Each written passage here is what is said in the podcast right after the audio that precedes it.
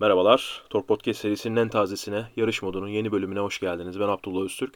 Kutay Ertuğrul ve Timuçin Altamay ile birlikte 2021 Meksika Grand Prix'sini konuşacağız. Kutay hoş geldin.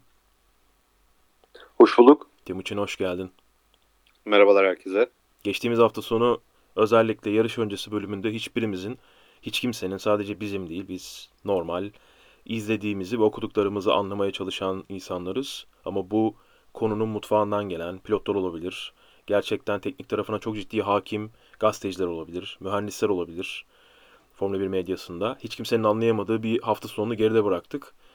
Ta, e, hafta sonunun başında beklenen şey aslında yarışta oldu, gerçekleşti ama özellikle sıralama turları bizim çok fazla kafamızı karıştırdı. Anlamaya çalıştık. Sürpriz oldu hepimiz için. Daha önce aslında yakın zamanda da, yakın tarihte de, uzak tarihte de, Formula 1 tarihinde de ben kendi adıma bu kadar kafa karıştırıcı ve hafta sonuna özellikle hatırlamıyorum. Ee, cumartesi günü Timuçin senin için aldığınız pol ne seviyede bir şaşkınlık yarattı? Valla bu sene zaten her şeyde bir ters köşe oluyoruz her yarışta neredeyse. Özellikle geçen Amerika'da öyle ters köşe olduk. Burası benim için e, tamamıyla Mercedes'in çok geride yani geride net bir şekilde geride kalacağı bir pistti. Ama cumartesi günü ne olduysa Hamilton e, Bottas ve Hamilton 1-2'yi alınca ben baya bir şaşırdım yani ama öyle böyle şaşırmadım. yani e, sanki geçen seneki Red Bull aracını Mercedes'e vermiş, Mercedes aracını Red Bull'a vermiş gibi bir izlenim oluştu bende. E, baya kafalar yandı. Nasıl becerdiler bu işi diyerekten çok düşündüm ama hala onun bir cevabını bulamadım. Genel olarak evet.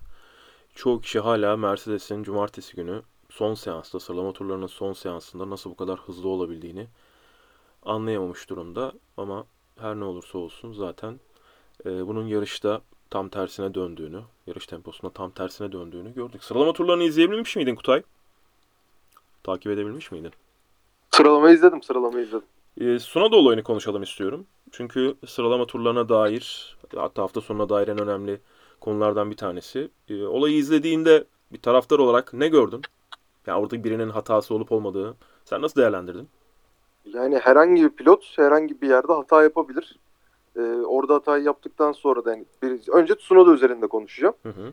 Ee, herhangi bir pilot hata yaptıktan sonra da arkadan gelen kişileri etkilememek için kaçacak ve tekrar piste girmeyecek. Tsunoda da bunu yaptı. Ee, arkasından gelenlerin konsantrasyon bozukluğu ya da işte e, hava boşluğu yaratma etkisini kaybetmesi tabii ki problem. Ama biri hata yapabilir mi? Yapabilir ve ben o kadar çok insanın birden Sunada'ya yüklenmesi bence saçma öncelikle. Hadi yükleneceksiniz. Hadi böyle bir hata yaptı ve bu kadar kızdınız ona. O zaman e, takımın çaylak pilotunu her şeyin en önüne koymamaları gerekiyordu. Çünkü hata olabilir. Ben böyle baktım konuya. Yani Sunoda'nın gerçekten günahı yok. Hata yapabilir çünkü. Herkes yapabilir. Timuçin sen nasıl değerlendiriyorsun? Yani Tsunoda yapması gereken her şeyi yaptı. Hatta yarış için en dezavantajlı lastikle Q2'yi geçti. Q3'e kaldı. Yani Williams'lar bile e, orta hamurla tur attığında Tsunoda Q3'e kalabilmek için yumuşak lastiklerle tur attı. Q3'e de kaldı. Gazi'nin de Gazi'ye de yardımcı olmak için hem hem de e, Gazi bittikten sonrasında Perez ve e, Verstappen'e yardımcı olmak için oradaydı. Son haklarda da onu yaptı. Önce Gazi'nin önünde giderek e, Gazi'ye Toa'yı verdi. E, Gazi ondan sonrasında saldı. Onu hız şey hızını engellememek için. E, Perez'le devam etti. Perez de, de salacaktı. Kendi gözün kafasında öyle bir şey vardı. Fakat e, orada tabii ki biraz fazlaca pistin dışına çıktı. E, Perez de orada e, artık onun tuvalesinden bir anda çıkıncaki kontrolü mü kaybetti veyahut da konsantrasyonu mu kayboldu bilmiyorum ama bir anda e, işler terse döndü. Bu e, Tsunoda'nın hatası değil. Bence Tsunoda'dan bu şekilde faydalanmaya çalışan e, Red Bull garajının hatasıydı. Yani bu kadar yüklenmenin mantığı yok yani. Evet, biz Meksika'da hep bu hava koridoru konusunu farklı pistlerde de görüyoruz. Meksika'da hava koridoru konusunu hafta sonu boyunca duyduk. Bunun bir fark yaratabileceğini, sıralama turlarında özellikle fark yaratabileceğini duyduk ama sıralama turlarında pole pozisyonunu alan Valtteri Bottas hiçbir hava koridoru kullanmadan, slipstream kullanmadan, tow kullanmadan aldı. Bundan faydalanan sadece e, Gazli'ydi. Sadece Gazli Sunoda'dan aldığı bu faydayla birlikte daha yukarılarda bulunmayı başardı. Onun dışında aldığı bu etkiyle bundan avantaj sağlayan hiç kimse yok. Orada da Norris Ricciardo'ya sıralama turlarında yardımcı olmaya çalıştı. Çünkü motor değiştirecekti. Motor değiştireceği için arkadan başlayacaktı zaten. Ve orada tamamen kendi turunu çöpe atmayı göze alabildi.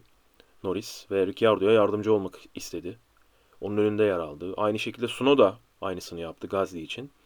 Bottas Hamilton'ın önünde gitti. Ona yardımcı oldu. Perez Verstappen'in önünde gitti. Ona yardımcı oldu. Bu koridor etkisini yaratmak için. Hani onlar biraz daha araları açıktı aslında. O kadar yakın değillerdi birbirlerine. Özellikle Perez de Verstappen. E burada Sunoda Gazli'yi çektikten sonra start finish düzlüğünde sonra ilk sektörde kenara çekildi ve Gazli'ye yol verdi. Ve sonrasında da arkadan Perez'in geldiğini söylediklerinde tamamen yolun dışına çıktı. Yani çok yüksek konsantrasyon gerektiren bir sporda Formula 1'de önünüzdeki pilotun virajın dışına çıktığını gördüğünüzde turunuzun bozulması pek bana mantıklı gelmedi. Yani oradaki konsantrasyon bozukluğu açıkçası bana pek mantıklı gelmedi. Çünkü orada Perez tam gaz devam etseydi Max Verstappen de tam gaz devam edecekti. Her ne kadar Red Bull takımı daha iyi bir ilk sektör ve ikinci sektörle kendi attıkları dereceye göre birinci ve ikinci sektörle gittiklerini söyleseler de sıralama turlarında pol pozisyonu alamayacaklardı. Yani sadece şu olabiliyordu. Hamilton'ı geçebileceklerdi. Hamilton'ın önünde yer alabileceklerdi ama Max Verstappen 3. sıra yerine 2. sıradan başlasaydı hem kirli taraftan başlayacaktı. Bunda yarışın başlangıcını şimdi konuşacağız zaten. Hem kirli taraftan başlayacaktı hem de sol tarafta olmadığı için yapabildiği bu hata yapamayacaktı.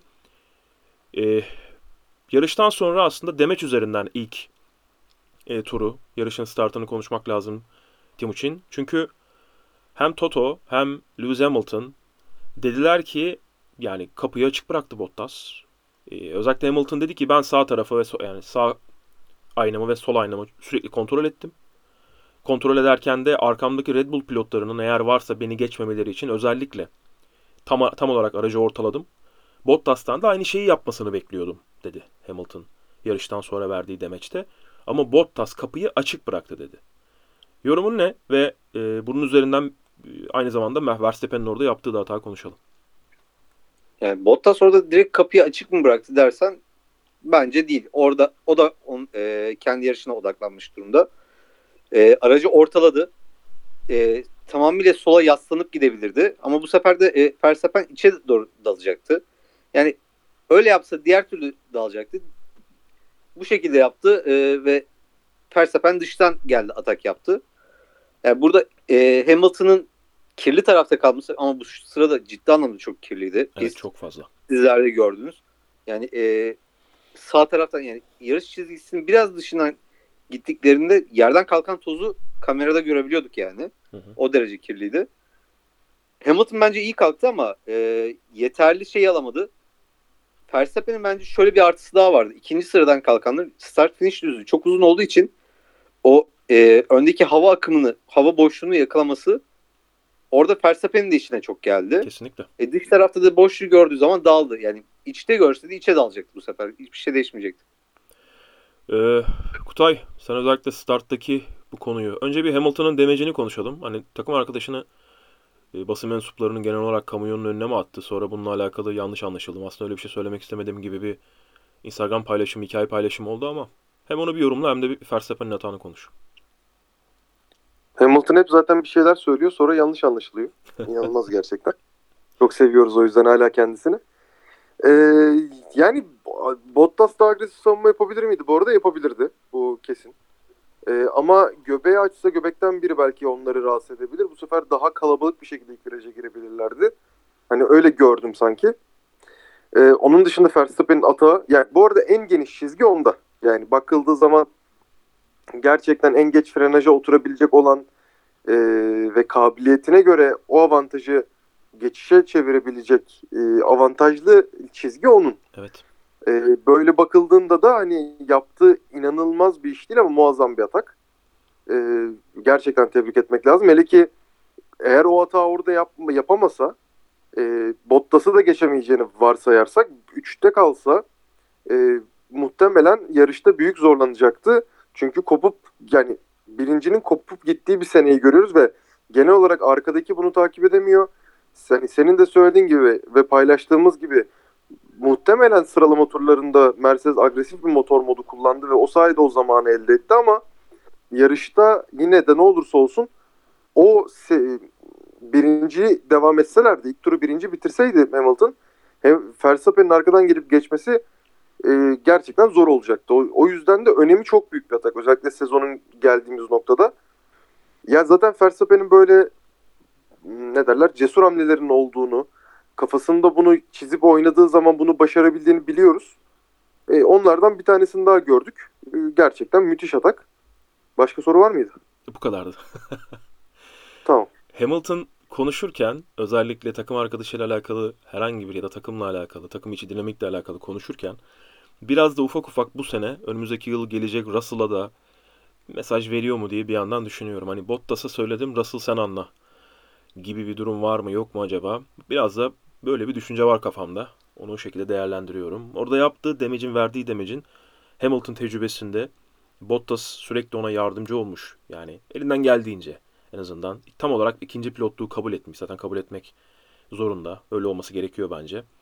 Ee, bir Bottas için biraz daha yumuşak bir yorum yapabilirdi orada. Ee, diğer yandan, diğer tarafa geçersek de ben Bottas'ın daha agresif bir çizgiye sahip olabileceğini düşünüyorum orada. Yani tamamen e, çünkü farklı açılardan elimden geldiğince izleyip e, net bir karara varmaya çalıştım kendi adıma. Ya solu kapattığın zaman, ideal çizgiyi kapattığın zaman bu kadar kirli bir pistte. Çünkü Verstappen'in atak yaptığı noktada lastik frenleme izlerini görüyorsun. Çok net bir şekilde görüyorsun. Yarıştan sonra da Verstappen dedi ki ben dedi tam olarak frenleme yaptığımız noktada, tam olarak yarış çizgisinin bulunduğu noktadaydım ve orada geç frenaj bir- yapacak birisi varsa o bendim zaten ve onu kullandım dedi. O da farkında. Eğer ideal çizgiyi bırakırsanız e, ona zaten Max Verstappen'i biliyoruz olmayan yerde atak yapıyor. E, Burada zaten kesinlikle yapacaktır bu hata gördüğü zaman ve çok rahat dışarıdan tamamen çok geniş bir açıyla e, o hatayı yapmayı başarabildi. Bence dışarıda o kadar kolay atak yapabilecek bir yer ona bırakmaması gerekiyordu. Hamilton bunu söyledi. Söylediği şey doğru. Hamilton bence haklı. Ama bunu basın önünde söylememesi lazımdı. Yani Toto Wolff'e ya abi bu böyle olmamalıydı. Bottas'a biraz daha yardımcı olması gerektiğini söyleyelim gibi. Hani Bottas bunu ne kadar sallar, ne kadar önemser bilmiyorum. Ee, önem uzun vadeli bir alfa kontratı yapmış. Ee, zaten belli bir yaşa gelmiş bir pilottan bahsediyoruz. Çok da fazla sallayacağını düşünmüyorum Bottas'a bu söylense ama kötü niyetle yaklaşmayacaktır her ne olursa olsun. Orada e, Perez kadar takıma yardımcı olmuyor Bottas. Onun farkındayız ama yine de elinden geldiğince kendi yarışını koşmaya çalışıyor. Startta Ricciardo'nun bir de kazası var. Timuçin çok fazla şey dedin abi sen. Ya buna nasıl ceza verilmedi? Buna nasıl ceza ver- ver- verilmedi diye yaklaştın konuya. Ee, orada nasıl değerlendiriyorsun Ricciardo'nun temasını? Orada bir blokaj yaşadı. Çok kirli bölümden geldi gerçekten. Tamamen içerideydi. Kirli bölümden geldi. Blokaj yaşadı. Duramadı ve aslında duramadı demeyelim. Hızını belki de yeterince düşüremedi ve son anda bir Bottas'ın arkasına temas ederek Bottas'ın belki de yarışının çöpe gitmesine sebep oldu. Ya bence öyle. Hı hı. Ee, bence Ricardo direkt Bottas'ı orada e, dart tahtası gibi kullandı. Ee, ya aklıma ben onu ilk gördüğümde e, WhatsApp konuşmamızda da zaten yazdık. E, direkt aklıma Bottas'ın kazası geldi. Macaristan evet. Evet Macaristan'daki kazası geldi. Ondan dolayı e, biraz da yani sinirlendim Evet. açıkçası. Çünkü hiç inceleme altına bile alınmadı o kaza. Ee, hani bu durumda da büyük ihtimalle senin de dediğin gibi e, Mercedes garajından Massey'e bir itiraz gelmedi herhalde. O e, ve ilk viraj kazası olduğu için de çok fazla teması olduğu için de çok fazla üzerine düşünmedi. Hani e, sığlamadı, şey yapamadı. Yani Ricardo aslında şöyle bakıyorum. Orada tamam frenlemeyi yapıyor. Blokaj yaşadığı için kaza yapıyor. Yani sonradan tekrar tekrar izlediğimde Ricardo'nun çok büyük bir şey yok. E, ne derler? Suçu Hatası yok. Hı hı. Suçu yok. E, ama e, incelenme altına alınabilecek pozisyondu. Ama hiç incelenmemesi bana orada bir garip geldi açıkçası. VAR'a gitmesi gerektiğini düşünüyorsun yani aslında. Ya VAR'a gitmesi gerekiyor. Bir de düşünsene e, Bottas'ı çevirdi. Ondan sonrasında pitler yapıldı. Bottas'ın önünde kaldı. Ve Bottas onu geçemedi. Evet aynen öyle. Yani- Zaten çok fazla Bütün bir yarış Ricardo'nun e, Bottas'a yaptığı olay yani. E, Bottas'ın yarışını bitiren her şey Ricardo'nun olayıydı yani. Aynen öyle. Kutay ne diyorsun oradaki yaşanan temasla alakalı? Bir seyirci olarak, motorsporların içindeki bir biri olarak, genel olarak oradaki pozisyonda bir ceza olabilir miydi? Değerlendirilebilir miydi? Yorumun ne? Yok yok orada kesinlikle bir ceza yok. Yani 3 araç birden viraja giriyor. Ee, arkalarında Ricardo da bence çizgisinden gidiyor. Zaten orada hani biraz daha sağa kıracağı bir durum yok. Ee, frene bassa arkası dolu sola kıramaz. Yani hep söylüyoruz araçların büyüklüğü ıvırı kıvırı. Orada bence hiç cezalık bir durum yok. Ee, aynı aynı şeyde Tsunoda'ya da söyleyeyim. Yani Tsunoda'ya da büyük yazık oldu. Adamın gerçekten e, bu hafta sonu onun çok kısmetsiz oldu. Yani Evet. bir de arkadan biri ve bana çarptı diyor. Oğlum sekiyorsun lan. Hani hiç mi hissetmedin? Hani araba havalandı düştü bir arkadan biri bana çarptı diyor. Allah Allah yani. Oradaki... Okon'un da baktım ya Okon'un da durumuna baktım. Okon'un da yapacak bir şey yok. yok. Orada yani Yani- oradaki sığma mücadelesinde bence bir sorun yok. Yani oradaki sığma mücadelesi olabilir. Oradaki e, Ocon'un gidebileceği bir yer yok. Sunoda o da gitmiş işte oradaki tekerlerin temasıyla birlikte ufak bir işte süspansiyonu kırılıyor. E, Mick Schumacher'in de süspansiyon arızası yaşadığını gördük. Onun da süspansiyonu kırıldı. Yarış işi kaldı.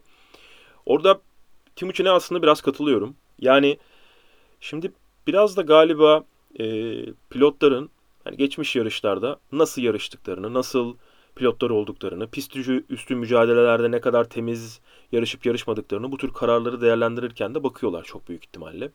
Ama bu temas arkadan gelip çarpan Perez olsaydı buna Mercedes itiraz edecekti. Hemen FIA'ya anında itiraz gelecekti. Veya bir Toro Rosso pilotu olsaydı hemen itiraz gelecekti. Alfa Tauri pilotu olsaydı yani itiraz gelecekti ve bunun değerlendirilmesini isteyeceklerdi. Ceza gelirdi gelmezdi ama Mercedes burada müdahale edecekti. Ama arkadan gelip bu teması yaşayan, e, genelde temiz yarışan Ricciardo olunca, McLaren Mercedes pilotu Ricciardo olunca ve orada bir inceleme gelmeyince de konunun üstü kapandı ama en azından bir inceleme, yani biz bu pozisyona bakıyoruz, biz bu yaşanan olaya bakıyoruz denmesi gerekiyordu. Çünkü arkadan gelen bir pilotun, yani bütün sorumluluk arkadan gelende. Duramadım gibi bir şey yok F1'de. Duramadım ve çarptım. Öyle bir şey yok. Duracaksın. Çünkü tamamen arkada ve onun ön kanadının sol tarafı Bottas'ın sağ arka tekerinin en arka bölümüne çarpıyor. Yani e, Ricciardo çizgiyi hak edememiş durumda. Çizgiyi hak etse orada beraber yan yana çarpsalar falan bu başka bir şey. Bunu geçtiğimiz hafta Amerika'da gördük Raikkonen'le Alonso arasında. E, dediğim gibi burada ceza verilsin verilmesin diye söylediğim şey. Ama burada bir incelemeye ihtiyaç vardı, gerek vardı. Çünkü e, sorumluluk tamamen Ricciardo'da. Ve bir kişinin yarışını mahvettiniz. O içerideki Hamilton olsaydı ve Hamilton bundan dolayı en son sıraya düşseydi. Ya da Verstappen olsaydı. Bırakalım Hamilton'ı. Hani Hamilton'a çok antipatili yaklaşılıyor. Çünkü anketlere baktım çok fazla. Yapılan ankete. Ya inanılmaz derecede Max. %80 civarında Max şampiyon olacak. Max şampiyon olsun. Dünyada, Türkiye'den bahsetmiyorum. Dünyada böyle bir istek var. Ha Max diyelim bu kadar insanların şampiyon olmasını istediği Max'ı koyalım o pozisyona ve gitti Max'ı çarptı ve tamamen iyi niyetle. Yani hiçbir kötü niyeti yok. Sadece geldi arkadan çarptı. Yarış kazası böyle bir şey değil. Yani bu öyle bir olay yaşandığında bunun ne olduğuna bakacaktık. Ya oraya Ricciardo'yu koymayalım. Birebir aynı pozisyon olsun. Bottas gelsin arkadan Verstappen'e çarpsın. Yani o yüzden böyle değerlendirdiğimiz zaman e, bu sefer kesin Verstappen'e yani arkadan gelen pilota ceza verilecekti. E, böyle baktığımız zaman birazcık aslında pozisyonların da veya yaşanan kazaların, temasların da hangi pilot olduğuna, yarışın hangi bölümünde olduğuna göre karar verdiğini, verildiğini görebiliriz. Bu ilk geçişten sonra, ilk virajdan sonra, Verstappen'in yarışın liderliğini almasından sonra Verstappen başladı Timuçin farkı açmaya ve çok net periyotlarla farkı açmaya başladı. Ee, bir noktadan sonra da Hamilton dedi ki takip edemiyorum. Ve belki de ilk turdaki o, ilk virajdaki o geçiş zaten Verstappen'in yarışı kazanması e, demekti. Ne diyorsun? Aynen öyle. 6. turda yaklaşık 3 saniye gibi bir fark atmıştı Evet. Verstappen Hamilton'a. Yani her turda da böyle yaklaşık 0.4-0.6 saniyeler de e, farklı bir şekilde gidiyordu. Yani e, ben zaten yaklaşık bir 10. turda falan e, şey dedim yani bitti benim ümidim falan dedim yarışla ilgili. Sen Yazdın bir- zaten. Yazdım. Sen Grupta de da. orada şey dedin. Bir sert lastikleri geçsinler belki bir şey değişir falan filan dedin. Amerika'da yaşadık çünkü benzerini o yüzden. Yani öyle bir yani sert lastiği e, Mercedes takımı daha çok sevdiği için daha Evet. sert lastikleri. Oradan bir hani ümit vardı sende. E, bende pek yoktu aslında. Ümitten ziyade yarış de hani yarış biraz daha e, sonuna doğru gitsin. Biraz daha uzun periyoda bir çekiş periyotta bir çekişme olsun diye istediğim için. E, Yani tabii ki herkes öyle. Sonuçta e, yarış içerisinde bir aksiyon, bir çekişme istiyoruz. Yani ben e, birisini alıp gittiği yarışlarda mesela bu tarz Meksika gibi ki zaten Meksika pisti genelde bu tarz bir pist. Evet. Önde başlayanın önde bitirdiği bir pist. Evet. Çok hoşuma gitmiyor açıkçası bunları izlemek ama Meksika'yı taraftarların e, verdiği atmosferle izlettirmesi o başka bir konu. Yani Verstappen önde kaldı ve farkı yavaş yavaş açtığında benim zaten bütün ümidim bitmişti açıkçası. Yani sert lastikleri geçirdiğinde de Hı hı. şey olmadı. Bir sıkıntı değişmeyeceğini biliyordum yani. Aynen öyle. Verstappen'in kaçıncı turda pite girdiğine bakıyorum şu anda. Önce e, çünkü Hamilton girmişti. 29'da girmişti. Verstappen 33'te girmiş. Aslında Hamilton e, geçemeyeceğini anlayınca bir an önce lastik değiştirme gereği hissetmiş. Belki o şekilde bir Orada aslında az- e, Mercedes takımı Perez'e artık odaklanmıştı. Hani Evet. Ona geçilmemek. Evet. Aynen. Perez'e geçilmemek amaçlı bir operasyon düzenlediler. Hatta birkaç tur öncesinde ben şimdi girse Fethel'in önünde çıkar diyerekten bir şeyim vardı. Evet evet. Arkasında kalmasın Yok. demiştin. Doğru. Aynen. Orada o yüzden senin de söylediğin gibi Hamilton 29. turda girdi. Ee, yarışta 71 turdu yanlış hatırlamıyorsam. Ve hani 29'a girip 70'te yarışı bitirmek hani 40 tur 42 tur bu lastiklerle gitmek aslında e, nasıl bir sonuç çıkaracak? E, hızlı bir pistten bahsediyoruz. Yarış başladığında 40 derece falandı. 40 küsür de olabilir e, pistin sıcaklığı. Bayağı bir sıcak zeminden bahsediyoruz. E, kirli bayağı bir e, pistin zemini bir yandan. Sadece yarış çizgisini kullanmanız gerekiyor. Vesaire vesaire. E, Max 33'te girdi. Lastiklerini hem ilk periyotta hem ikinci periyotta çok iyi korumayı başardı. Ve orada bir Perez aslında kafa karıştırıcı bir durum oluşturdu hepiniz açısından. Yani e, acaba Perez'le birlikte Hamilton işte Perez daha erken girseydi hemen işte yakın olurlar mıydı, o geçiş olur muydu gibi bize de çok fazla mesaj geldi bir yandan ama orada Red Bull yine her zamanki gibi ikinci periyodu, ikinci bölümü daha kısa tutarak ya da daha doğrusu ilk periyodu daha uzun tutarak daha taze lastiklerle birlikte Perez'in yarışın sonuna gitmesini istedi. Ve aslında bu bir nevi aslında strateji kumarı tuttu. Yarışın bitimine 10 tur kala falan bayağı geldi, yaklaştı. Hatta bir noktada bir saniyenin altına indirdi farkı. Ama orada arkasına geldiğinde bu geçişi yapamadı. Bu geçişi yapamamasının sebebi de çok net bir hız avantajına sahip olmanız gerekiyor taze lastiklerle birlikte o geçişi yapabilmeniz için. Bunu yarışın içerisinde Ricciardo Bottas arasında da gördük. Taze lastiklerle neredeyse arkasına gelmiş sadece birkaç turluk e, lastiklerle arkasına gelmiş olmasına rağmen bile geçemedi Ricciardo'yu.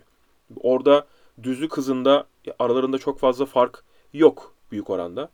Ama bir yandan da Bottas'ın aracı daha hızlıydı. Mercedesler daha hızlıydı. McLarenler bu hafta sonu kadar hızlı değillerdi. Zaten e, genel itibariyle arkasında kaldılar e, Ferrari'nin.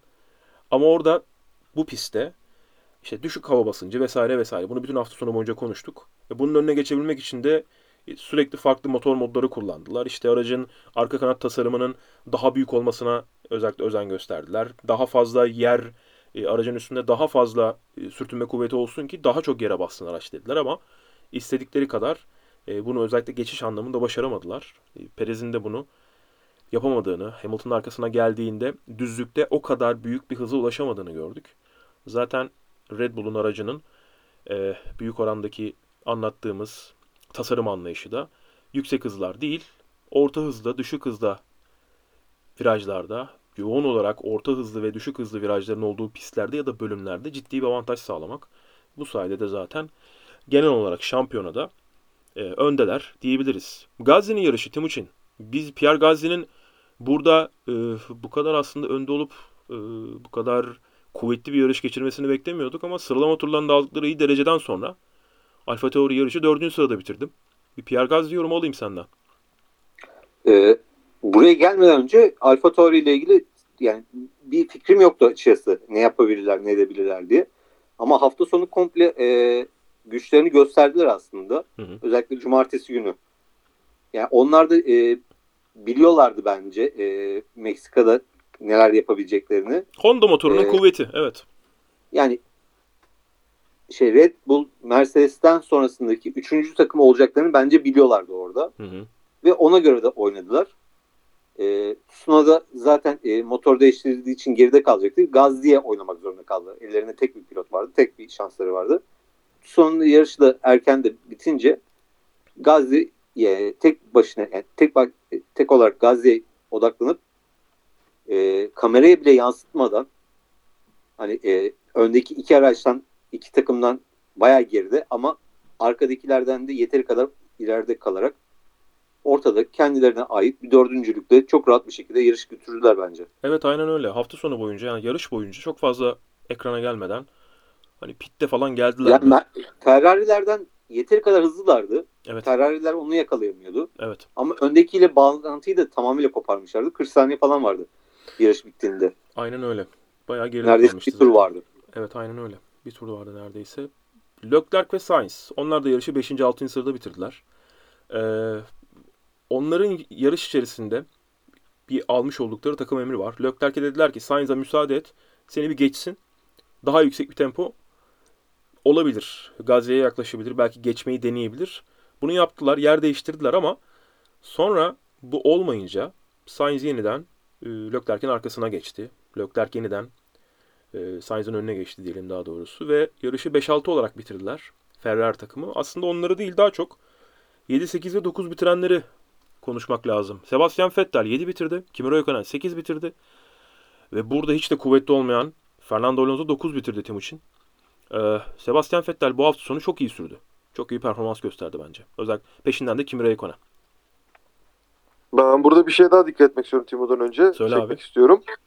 Onlardan genç takım arkadaşları nerelerde bitirdi? Onları hiç konuşmayalım. Şimdi Ocon muhabbetine girince ben 15 dakika konuşuyorum. Olmuyor. Gerek yok. O yüzden Orada Giovinazzi'yi birazcık aslında birkaç cümle e, konuşacaktık. E, yarışı izleyemedi Kutay. Yani Kutay bir özetle pazar günü çok ciddi bir meşguliyeti vardı. Özeti izledi. Biraz bizim paylaştıklarımız, biraz okudukları, biraz yarışın özeti. O yüzden tam olarak detaylara hakim değil. E, Giovinazzi'ye çok fazla e, kızamıyoruz. Çünkü Giovinazzi'nin yarışını stratejiyle mahvetti Alfa Romeo takımı. Yarışın sonunda da bir telsiz mesajı var. Onu paylaşmamıştık. E, beyler teşekkürler muhteşem stratejiniz için dedi. Giovinazzi takımına. Orada Giovinazzi'yi kenara koyalım. Ee, işte Stroll'ün yaşamış olduğu, yarışın başında yaşamış oldukları var. Onu da belki o yüzden kenara koyabiliriz ama Ocon e, benim biliyorsun Kutay özellikle sen en sevdiğim pilot. Yani e, Nikita, Nikita Mazepinleri falan kenara koyalım tabii. Onlar farklı karakterler ama Ocon'u ben çok seviyorum. Ona verilen 3 yıllık kontrat falan. Gerçekten hak ettiğini düşünüyorum. Yani 41 yaşındaki, 42 yaşındaki adama geçiliyor her yarış. Ve hiç yani hiç zerre bir şekilde ee, onu geçebilecekmiş, geride bırakabilecekmiş izlenimi de vermiyor bize. Madem konuyu açtım bir daha bir o konu üstüne konuşalım Kutay. Bir yorum yap sonra e, Timuçin'e sorduğum şeye geçeriz.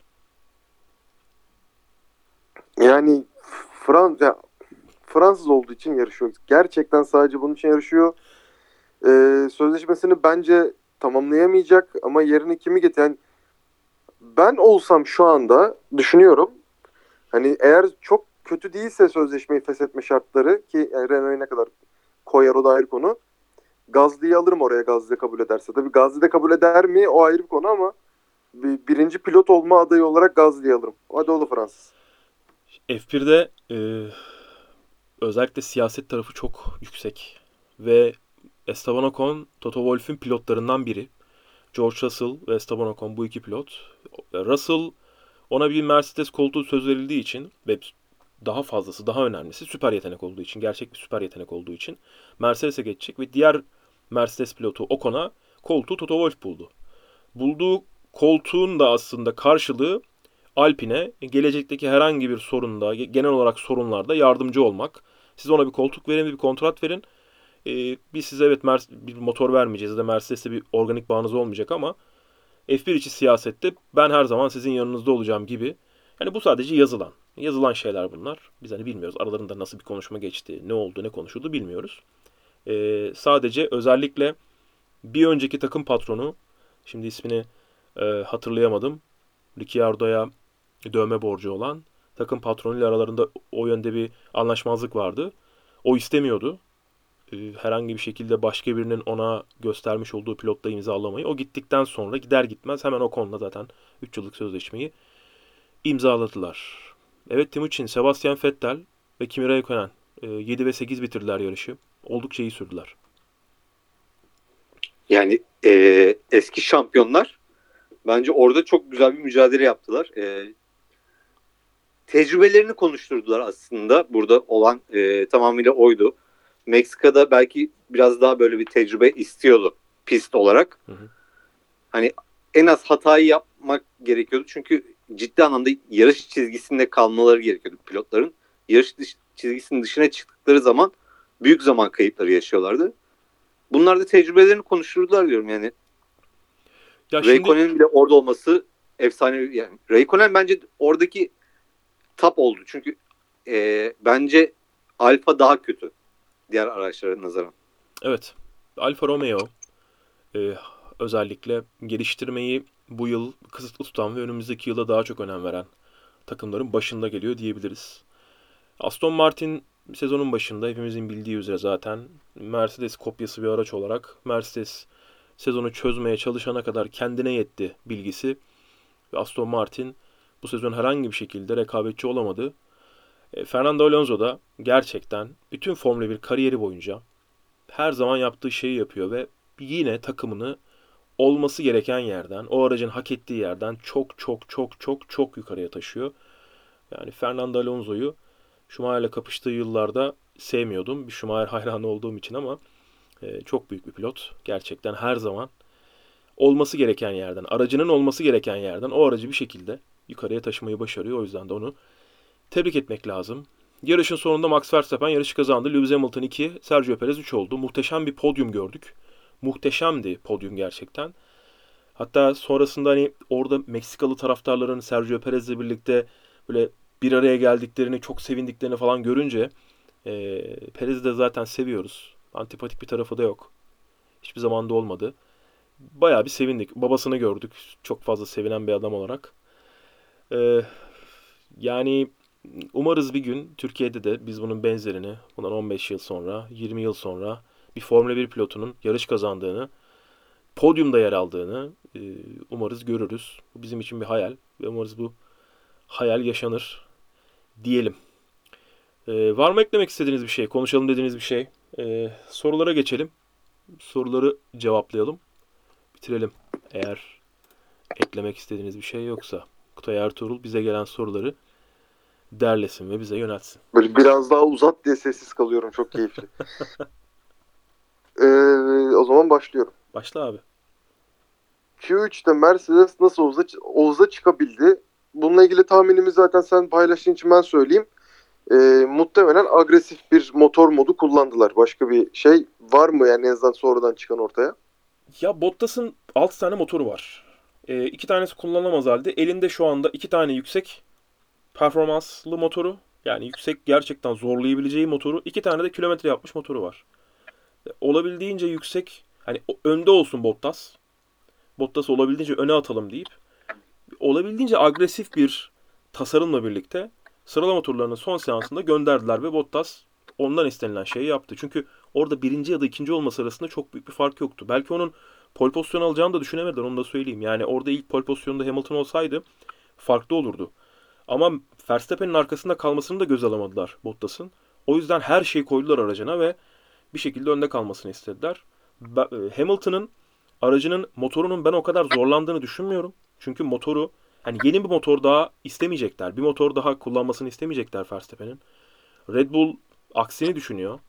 E, Mercedes'in motorunun e, Suudi Arabistan'a gelindiğinde yani önümüzdeki iki yarıştan sonra çok iyi durumda olmayacağını söylüyorlar. Çünkü hem Meksika hem Brezilya yarışı turboların çok ciddi zorlandığı çünkü turbo biliyorsunuz oksijenle çalışıyor. Yüksek e, verimli oksijenle çalışıyor.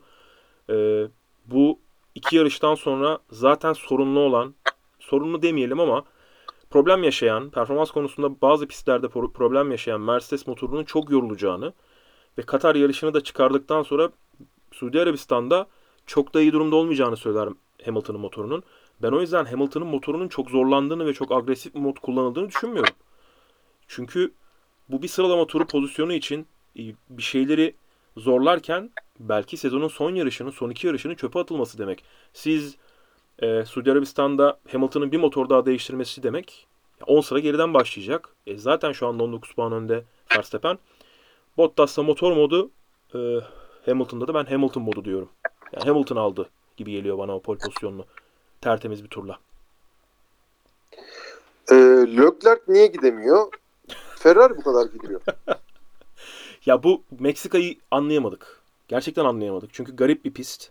Ee, takımlar motorlarını iyi şekilde çalıştırmak istediler. İşte e, Aero'nun çok iyi çalışması lazım. Burada çalışmıyor. Çünkü olmuyor yani hani aracın üzerinde olabildiğince kanat arka kanatlar kocamandı. Sezon içerisindeki en kocaman arka kanatları gördük. Ee, burada da en iyi pakete kim sahipse zaten o yarışı kazanacak. En az probleme kim sahipse o da zaten Red Bull olduğu için. Hani bu Leclerc niye gidemiyor değil. Çok iyi bir Honda motoru genel manada. Çünkü Honda bu yeni en son yaz arasından önce bir motor güncellemesi yaptı. Orada turboyu ufaltmışlar. Daha verimli bir turbo performansı vesaire vesaire. Yani kiloya azaltmışlar e, motorun turbo bölümünde. Bahsettiğimiz şey böyle 5-10 kilo değil ama e, bu da, diğer bölgelerde motorun diğer departmanlarında daha çok alan veriyor size. Ya da aracın üstündeki ağırlık dağılımını yönetmek için motoru ufaltabilmeniz işte e, çünkü bataryayı ufaltamazsınız. Bataryanın boyutu, boyutu belli ya da elektrik bölümünü, elektronik bölümünü ufaltamazsınız. Ne kadar devre kullanacağınız, ne yapacağınız belli. Ufaltabileceğiniz yer motor ve turbo bölümü. E oraya ufalttığınız zaman da diğer bölümleri daha efektif kullanabiliyorsunuz. E, bazen araba arabaya ağırlık bile ekliyorlar. Ağırlık bile ekledikleri oluyor. Hani bu işte aracın dengesini kurabilmek için oluyor. E, Gazi de bu şekilde, Alfa Tauri bu şekilde önde kalmayı başardı. Zaten çok iyi bir pilottu Gazi tabii ki ama Honda motoruyla birlikte. Ve Mercedesler de yapabileceklerini yaptılar burada. Yani aslında Leclerc gidemedi diye bir durum yok. Senin de söylediğin gibi Kutay, e, Ferrari aracı Meksika'da bu kadardı. Ricardo yetenekli mi, korkak mı? Diğer pilotlar da eski pilotlar oranla ne kadar cesur? Ee, ya ben bir cevap vereyim sonra size bırakayım. Ee, Ricardo yetenekli ve korkak değil. Ama yetenekleri bir şampiyon yeteneği değil. Kalbur üstü pilot yeteneği. Ee, diğer pilotlar da eski pilotlar ne kadar cesur. Şimdi hangi eski pilotlar? Şimdi Raikkonen'in gençliğine döneceksek ve e, Raikkonen'in, Alonso'nun gençlik dönemine döneceksek ve o zamanla kıyaslayacaksak o kadar cesurlar mı? Bence değiller ama o aracı kullanan yani o aracı performansı kullanmak için hepsinde bir cesaret var bu kesin. Ee, şu anda da ne kadar cesaretliler bunu bilemiyoruz çünkü araçlar çok büyük olduğu için herhangi bir e, agresif hareket e, %90 temas ve yarış dışı kalmaya gidiyor ve dolayısıyla geçiş için cesaret değil otomobillerin kabiliyeti, hızı, e, DRS mesafesi gibi ve pit stratejileri gibi farklı şeyler devreye giriyor. Yani e, pilotlar birbirlerini e, pist, pist üzerinde virajların içinde ge- hemen hemen neredeyse hiç geçmiyorlar. O yüzden bunu o şekilde kıyaslamak biraz doğru olmaz gibi geliyor bana. Sizde söz. Timuçin ne diyorsun? Ricciardo ve sonra bu pilotların cesaret meselesi. Diyeceğim bütün cümleleri e, sağ olsun Kutay söyledi. Bana bir şey bıraktığını sanmıyorum. Yani dediği gibi Kutay'ın e, araçlar ciddi anlamda çok büyük. Hani e, eski pilotlar dediğiniz zaman ki onların aracıyla şimdiki aracı yan yana koyunca demek istediğimizi anlayacaksınız. Bunun görselleri Var. sıkça var zaten internette.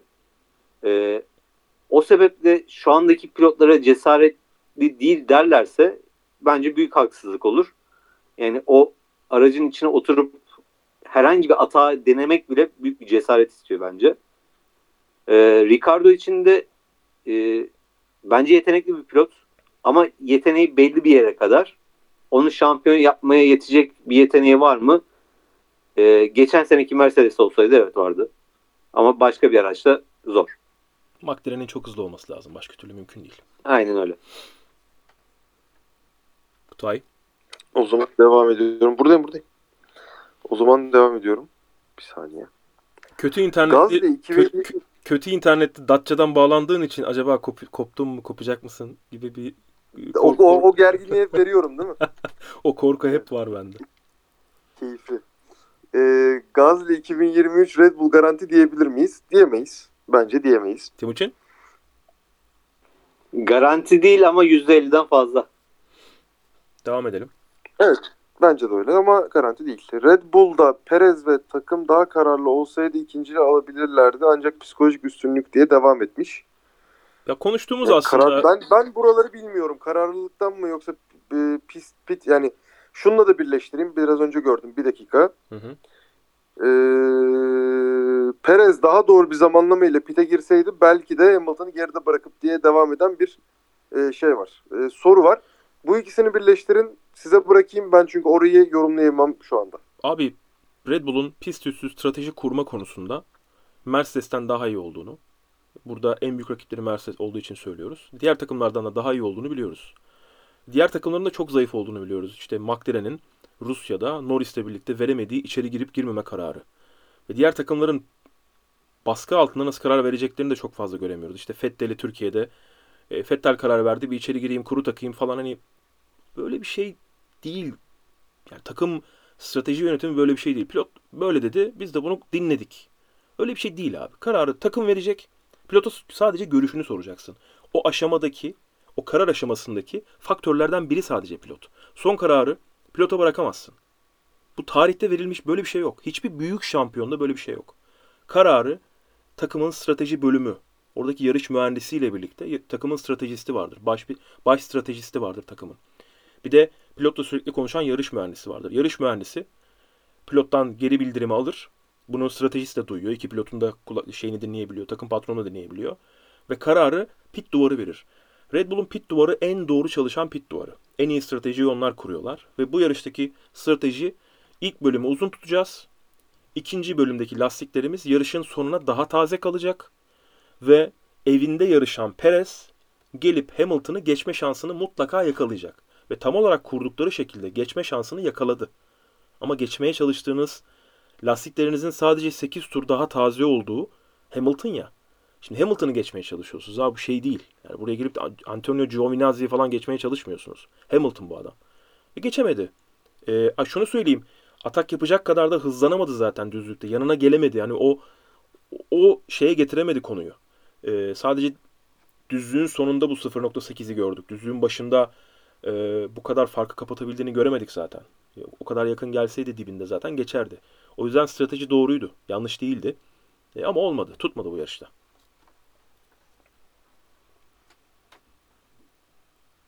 Timo sen bu yorum yapacak mı?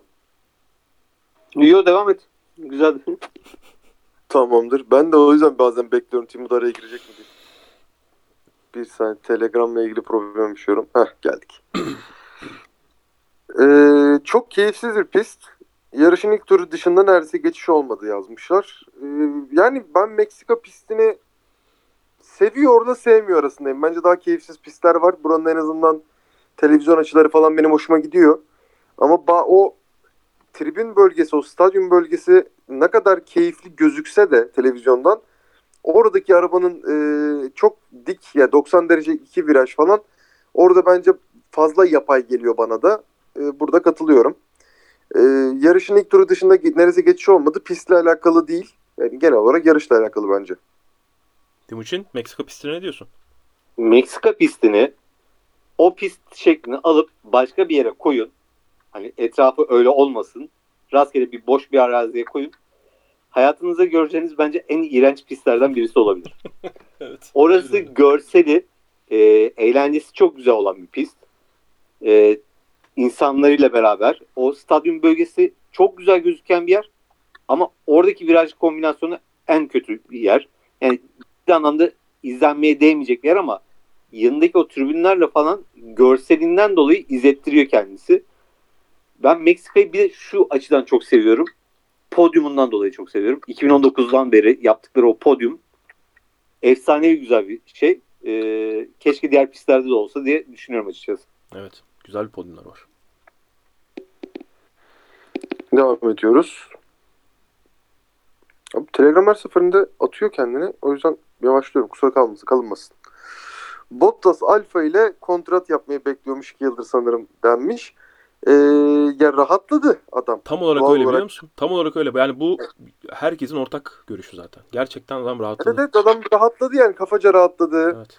Tamamdı yani elinden geleni yaptı bence kendine göre. Olmadı şampiyonluk gelmedi Ee, ve artık yapabileceği fazla bir şey de yok. şu anda Bu konuyu ya hızlı geçelim ya da ben bayağı bir söveceğim. Ne? Ya bu konuyu çok hızlı geçelim ya da ben bayağı bir söveceğim. Abi adam Hani bu kadar. Okan'ı ne kadar Şey yok. seviyorsanız siz ben de bunu da seviyorum.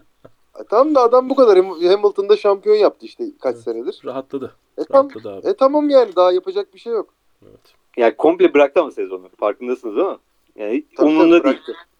Tabii, umurunda tabii. değil O şu anda. değil, Alfa ile yaptığı kontrattan sonrasında şu anda e, araç 7. olmuş, 15. olmuş, 2. olmuş hiç umurunda değil.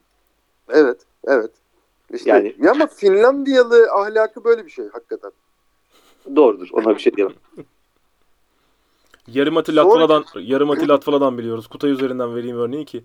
F1'den vermeyeyim. Rally'den vereyim örneği. Yani hakikaten öyleler yani hani e, sonuçta adamın kariyeri devam ediyor ve bu tarz güçlü bir otomobille yarışabileceği son işte birkaç yarış o da eğleniyor. Yani adamın Evet. olayı o. Evet aynen öyle.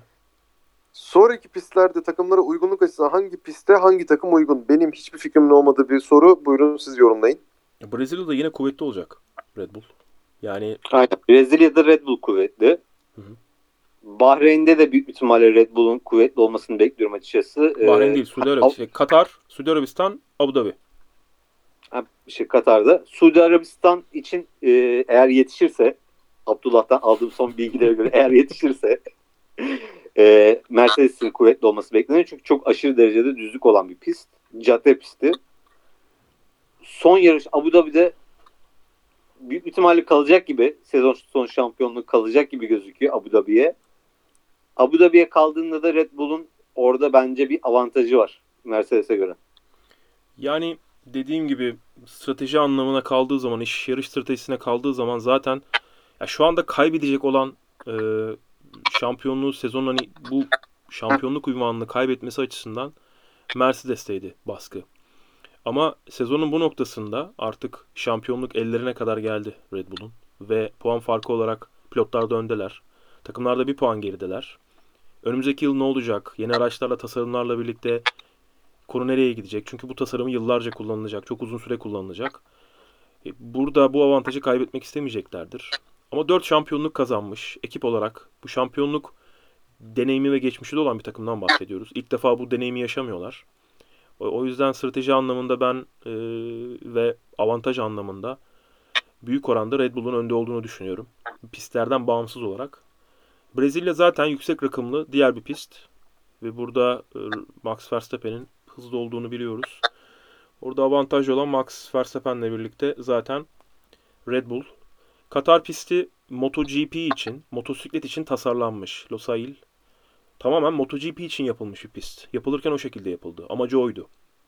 Ve Katar'ın çok parası olduğu için şu anda e, haliyle inanılmaz bir anlaşma yaptılar.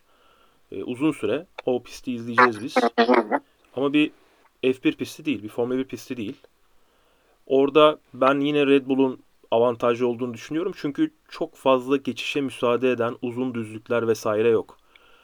E, motosiklet pisti olarak tasarlandığı için birbirine bağlı ya da e, birbirine bağlı olmayan bölümlerde de arka arkaya düşük hızlı ve orta hızlı virajlar var.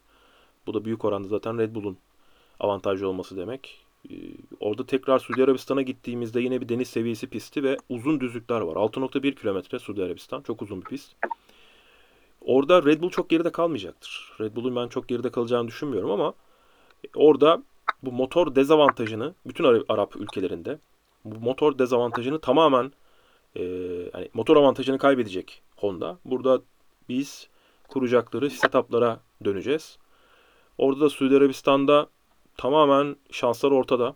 Ben Red Bull'un ya da Mercedes'in çok önde olmasını beklemiyorum.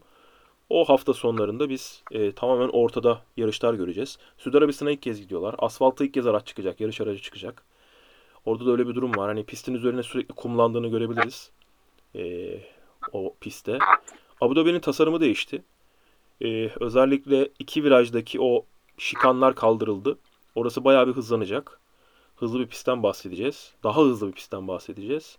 Özellikle arka taraftaki düzlüğe çıkarken. E, Abu, Dhabi pisti çünkü hani gündüz başlayıp ışıkların sonradan e, orayı gece yapmasıyla birlikte tanıdığımız bildiğimiz bir pist. Bu arada Katar'da gece yarışı galiba. Suudi Arabistan'da gece yarışı. Ee, Abu Dhabi'de gece yarışı. 3 tane gece yarışıyla bitireceğiz takvimi. Ee, Abu Dhabi'de de ben yine ortada olmasını bekliyorum. Ee, ama ya bu önümüzde kalan denge Red Bull'un den- Red Bull'a gösteriyor. Red Bull'un kazanacağını gösteriyor. Yani kaza görmemiz gerekiyor. Ee, motor arızası, mekanik arıza görmemiz gerekiyor. Her şey yolunda giderse Verstappen en kötü zaten her yarışta ikinci olacak. En kötü. Bir temas falan olması gerekiyor aralarında. Onun dışında e, önümüzdeki hafta Interlagos bir sprint yarışı izleyeceğiz zaten. Cuma akşamı sıralama turları, cumartesi akşamı sprint sıralama yarışı. Pazarda Grand Prix'yi göreceğiz. Bakalım yaşayacağız ve göreceğiz. Bottas yarışın sonunda ilk hızlı tur denemesinde neyi beceremedi? Timo neyi beceremedi? Orada Verstappen'in arkasına çıktı. Ee, pit duvarının e, yüksek zekasıyla Verstappen'in arkasına çıkarttılar. Ee, Verstappen de onu engelledi. Net bir şekilde bunu söyleyebilirim. Engelledi. Güzel doğru bir matematik yaptı Verstappen. Ee, stadyum bölgesinde küçük de bir fren şey blokaj yaşayıp ah tüh yaptı böyle. Ee, iki hakkını kullandı orada. Lastiğin zaten ömründe çoğunu yemiş oldu. Sonrasında bir kere daha pite girip bir kere daha denediler. Yarış 71 tur. 63'te girdiler. Sonra Timo'nun dediği gibi Verstappen'in arkasına kaldılar. Lastiklerin tepe performansını kullanamadılar iki tur. Ve o iki turdan sonra hızlı tur atamayacaklarını anlayıp 4 tur sonra 67'de tekrar pite girdiler. Ee, ve buradaki hızlı turu Verstappen'in almaması için. Ve Bottas hızlı tur almayı başardı. Ya orada şunu da söylemek gerekiyor. Hamilton'a hep bu konularda yükleniyoruz. Orada Verstappen değildi Hamilton olsaydı arkasından gelen Perez'i engelleseydi Meksika'da Hamilton'a demediğimizi bırakmayacaktık. Hani kendi üh. ya da ya da bizim adımıza değil de genel olarak Formula 1 camiası Dünya adına çapında yani Evet. bak sadece biz değil. Evet. Dünya çapında Hamilton'a sövmeyecek insan sayısı yoktu yani. Evet yani koyu İngiliz e, taraftarlar, koyu İngiliz fanlar dışında hepimiz ya Hamilton zaten böyle bir adam. Bak Hamilton gitti engelledi. O zaten böyle şampiyon olacak falan gibi yorumlar yapılacaktı. Bakın Max'ın şampiyon olmasını isteyen biri olarak söylüyorum bunu. E, o yüzden yani e, onu da söyleyelim. Bu Verstappen- sırada bence Max'in yaptığı çok doğal bir şeydi ya. Ben de doğal ben de de aynısını doğal, yapardım. doğal değildi abi. Şimdi orada şöyle bir durum Ben var. de olsam ben de aynısını yapardım abi. Şöyle söyleyelim. Şöyle- Tempon belli. Arkanda kalmış. Ya Bottas orada frene basacak hayvan gibi. Zaman açacak önünde. Hı hı. Ondan sonrasında hız denemesini yapacak. Ya da geçebiliyorsa geçecek. Geçtikten sonra da bu sefer yine mavi bayrak yiyor. Öyle bir saçmalık var orada. Geçip uzaması lazım hızlı bir şekilde ki o mavi bayrak dalgasından kurtulsun. Ki Max'e zaten şey Red Bull pit duvarından da Max'e şey geldi. Uyarı geldi. Bırak geçsin diyerekten. Hani e, zorlama diyerekten. E, geçtikten sonrasında zaten lastiklerinde performans kalmadığı için o şeyde atamadı hızlı turunu. Ondan sonrasında 69'da mı tekrardan girip 71. turda son turda şeyini yapmış oldu. Kuralı söyleyelim. Lider pilotun arkasındasınız ve yarış temponuz yüksek. Tur bindirilmiş bir pilottan bahsediyorum. Tur bindirilmiş pilot liderin arkasına geldi yarış içerisinde. Lider çok rahat ve temposunu düşürdü. Lastiğini koruyor, motorunu koruyor vesaire vesaire. Lider isterse size yol veriyor. Yani orada kesinlikle lider bana yol versin diye bir şey söyleme hakkınız yok. Orada tam olarak centilmenlik devreye giriyor. Takım ya da orada pilot, e, yarış içerisindeki pilot e, size yol verebilir. Lider pilot size yol ver. Bu lider değil sadece. İkinci, üçüncü, dördüncü. Yani tur bindirilmiş pilot tur yediği pilotları gelip de yanından geçerken eğer o müsaade ediyorsa geçer. Onu söyleyelim kural olarak. Yani kural Verstappen'in yanında. Ama Verstappen Bottas'ı engelledi mi? Engelledi. E, o, şimdi ya hızlı gideceksin abi. E, gitmiyorsan da bu adamın seni geç geçmemesi için özel bir ya burada tamamen kuraldan bahsetmiyorum Verstappen'in yol verip vermemesiyle alakalı. Ve sonra Christian Horner dedi ki gönder gitsin dedi. Çünkü orada Mercedes bizim hızlı turumuzu engelliyor bak FIA diyemez. Kural yani kural olarak zaten bu böyle bir şey söyleme hakları yok. Orada Christian Horner devreye girdi ve dedi ki yol ver. Yol ver gitsin dedi ve yol verdi gitti. Ama dediğimiz gibi kural olarak eğer tur yemişseniz tur yediğiniz pilotlardan bir tanesi bana yol versin diyemiyorsunuz. Onun size yol vermeyi tercih etmesi gerekiyor. Ya da çok güzel bir şekilde atak yapıp geçeceksin. Evet aynen öyle. O zaman devam ediyoruz. Nerede kaldık? Burada kaldık. Bir an önce 2022 otomobillerini görmeliyiz. Yarışlar çok sıkıcı bir almaya baş hal almaya başladı denmiş. Yani bence zaten genel olarak F1'de 5 yarıştan biri heyecanlı oluyor. Geri kalan Hiç hiç katılmıyorum. Hiç katılmıyorum bu yoruma. Yani yüzde bir oranında şekilde ben de katılmıyorum ya. yüzde bir oranında bile katılmıyorum. Bu kadar kapışmalı sezonu biz en son Rosberg Hamilton kapışmasında gördük. Ondan önce de e, Vettel Alonso'da gördük. Ondan önce de Schumacher e, şey Alonso kapışmasında gördük. 5 sezondan biri desek işte 5 yarıştan birine Hani tekabül eder. bu yıl bu yıl turbo hibrit çağının e, iki takım arkadaşı yani şurada 8. sezon oluyor. İki sezonundan biri ve iki takım arasında geçtiği geçmesi hasebiyle de son 20 yılın 3 sezonundan biri. O yüzden çok kapışmalı, çok iyi bir sezonu görüyoruz. Ya İtalya'da ne yaşandı abi? Ne yaptık? Biz İtalya'da neleri gördük? Silverstone'da neleri gördük? E, Imola'da, İtalya'da, Emilia Romanya'da neleri gördük? Yani daha ne olmasını istiyoruz ya? Birbirlerini mi öldürsünler bu adamlar? Bazı yarışlar keyifsiz geçmek durumunda 20 yarış var takvimde. 21-22 yarış var. Şimdi 23 olacak. 25 olmasını istiyorlar. 25 olacakmış e, takvimdeki yarış sayısı. E bu 25 yarışlık takvimde 5 tanesi kötü geçsin abi. Ama kesinlikle katılmıyorum. Ha, 2022 araçları da- daha keyifli olabilir, yakın olabilir vesaire ama bu sezon muhteşem bir sezon izliyoruz ya. Ben her yarışı zaten... Bence Buyur abi. en son bu kadar zevkli bir sezonu 2007'de izledik. E, Evet oradaki işte Raikkonen, e, Alonso, Hamilton. Alonso ve Hamilton Evet. kapışması Hamilton'ın yani çaylak en, sezonuydu. zevk- en zevkli sezon 2007'deydi yani. Aradan işin geçmiş içerisinde böyle- kaç sene. E, yabancılar spicy diyorlar ya böyle işte çekişmenin baharat bol baharatlı e, bir sezon. Bu, bu çok tam olarak öyle bir sezon. E, dediğim gibi 2022'de daha iyi bir sezon görür müyüz görmez miyiz bilmiyorum. Ben e, tamamen kendi aramızdaki yaptığımız sohbetlerle dün Timuçin'le de böyle uzun uzun sohbet ettik. E, orada parkur takımının, parkur racing takımının antrenmanındaydık.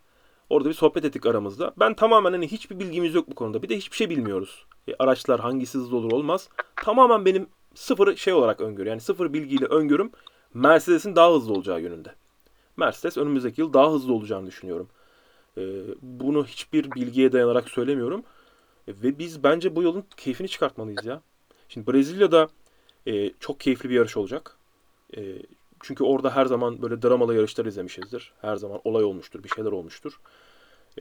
Katar bilmiyoruz. Suudi Arabistan ilk kez gideceğiz. Çok uzun düzlükler var. Çok fazla geçiş izleyeceğiz büyük ihtimalle. Bir de çok hızlı yön değişimleri var o pistte. E, orayı da e, Tilke tasarladı. Ama Tilke'nin oğlu tasarladı. Bu sefer Herman Tilke değil, Tilke'nin oğlu tasarlamış. Tilke mühendislik diyelim daha doğrusu. E, o yüzden oranın nasıl bir yer olduğunu göreceğiz. Orada bile şey var anasını satayım ya. Babadan oğlu var.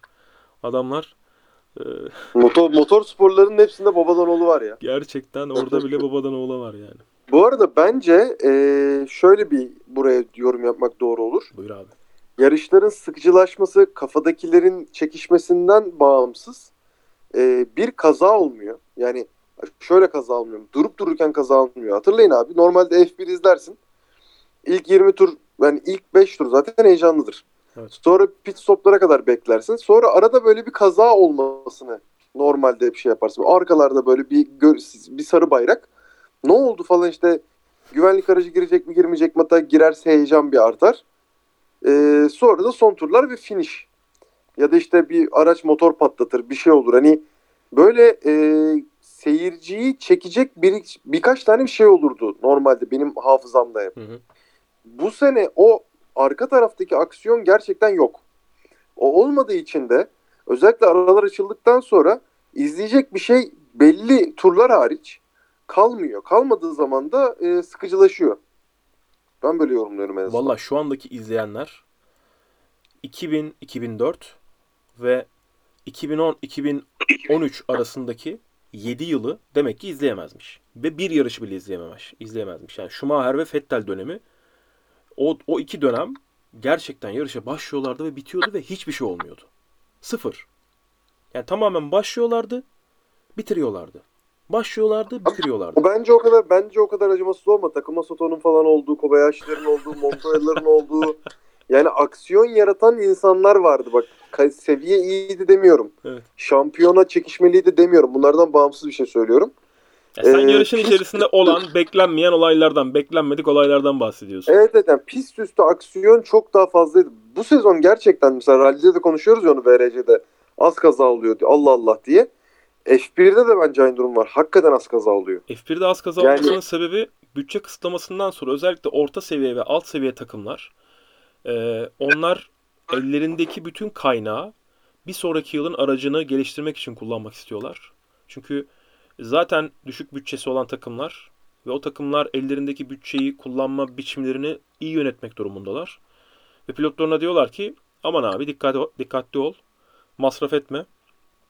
Ee, hani bunu önemsememeniz için zaten dediğim gibi Max Verstappen olmanız lazım. Lewis Hamilton olmanız lazım ki bana ne abi nasıl geliştiriyorsanız geliştirin. Ben işte Yok sebebi sebebi zaten okey ya. Yani Evet. şey de yok hani işte anladım onu söylediğin söyleyecektim. şeyi. Ne bileyim. Haklısın. Doğru bir motor patlatma da yok yani gibi böyle hani mekanik arızadan kalan Motor patlatmayı zaten aktı, ıvır oldu kıvır oldu falan. Motor patlatmayı zaten söylediğin gibi bir Renault'larda görüyorduk işte yakın zamanda. Ee, Ricciardo'nun Ricciardo Hülkenberg senesinde sürekli Renault motor arızası yaşıyordu. Ee, oradan sonra yani hani motorlar da çok şey. Ee, bayağı bir performansları bütün takımların bu dayanıklılık konusu çok iyi seviyede. Sadece performansları düşük. Ee, buradan da Renault'un motoru iyi olmadığını söylediğimiz için bizi takipten çıkan ve bunu mesaj yoluyla gönderen kıymetli takipçimize de selamımızı göndermiş olalım. Evet ben onunla tanışıp e, beraber Renault e, atlarıyla yarı seyredeceğim. O gerçekten inanılmaz. Ya şimdi e, bu, bunu dinleyen herkes tabii haliyle bizim takipçimiz olduğu için dinleyecek. Tam olarak şöyle bir şey oldu. Onu da söyleyeyim madem bunu söyledik. Bir şey paylaştık, bir hikaye paylaştık ve dedik ki hikayenin sonunda hani Renault hariç motorların dayanıklılığından bahsediyorduk. Ee, pardon, motorların performansından bahsediyorduk. Motor performansını en az geliştiren takım kim şu anda? Renault. Açık ara. Ee, istene- istedikleri hiçbir şey yapamıyorlar şu anda motor anlamında, verimlilik anlamında. E biz de bunu söyledik. E, Renault motoruyla alakalı böyle bir yorum yaptığınız için sizi takipten çıkıyorum dedi bir takipçimiz. Ya biz de cevap vermedik mesajına. Çünkü ne diyebiliriz ki şimdi hani iyi, iyi akşamlar falan mı diye cevap vermek lazım bilmiyorum ama hani bir doğruyu söylüyorsun. Hani 2 artı 2 4. Nasıl 4 falan dermiş gibi bir şey benim için o yorum. O yüzden bunu da hani paylaşmış oldum. Kutay. Yani değişik yapacak bir şey yok. Değişik. Her herkese her şeyin fanatiği var işte. Buna alınmayalım. Ama ya. yani Bu- bu, buna, kadar buna fanatiği alınacak- olmak da enteresan. buna alınacak bir şey Yani yok. ne demek geliştirmedi falan hani böyle.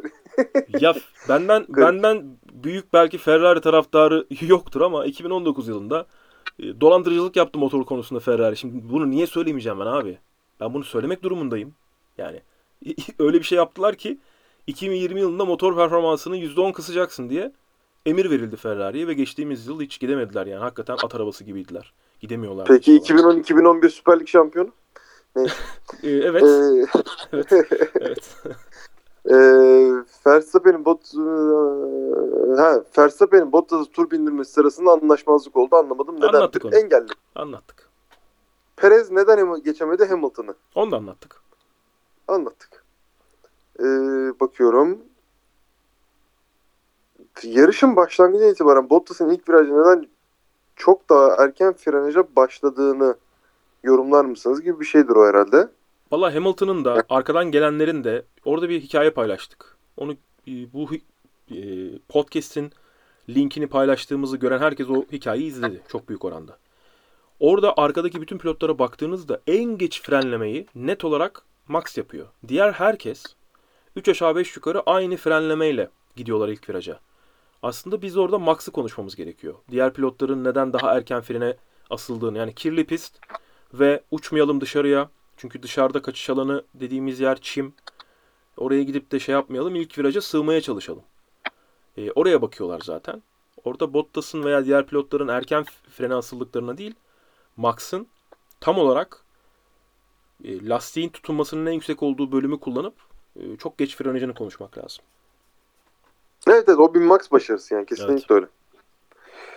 Sizce Çeko'nun yaşadığı kirli hava olayı gelecek sene düzelir mi? Gör- görünen düzelecek ama reali görmeden hiçbir şey diyemeyiz. Evet. Ee, son 4 yarış için kazanma tahminleriniz nedir? Hadi bakalım.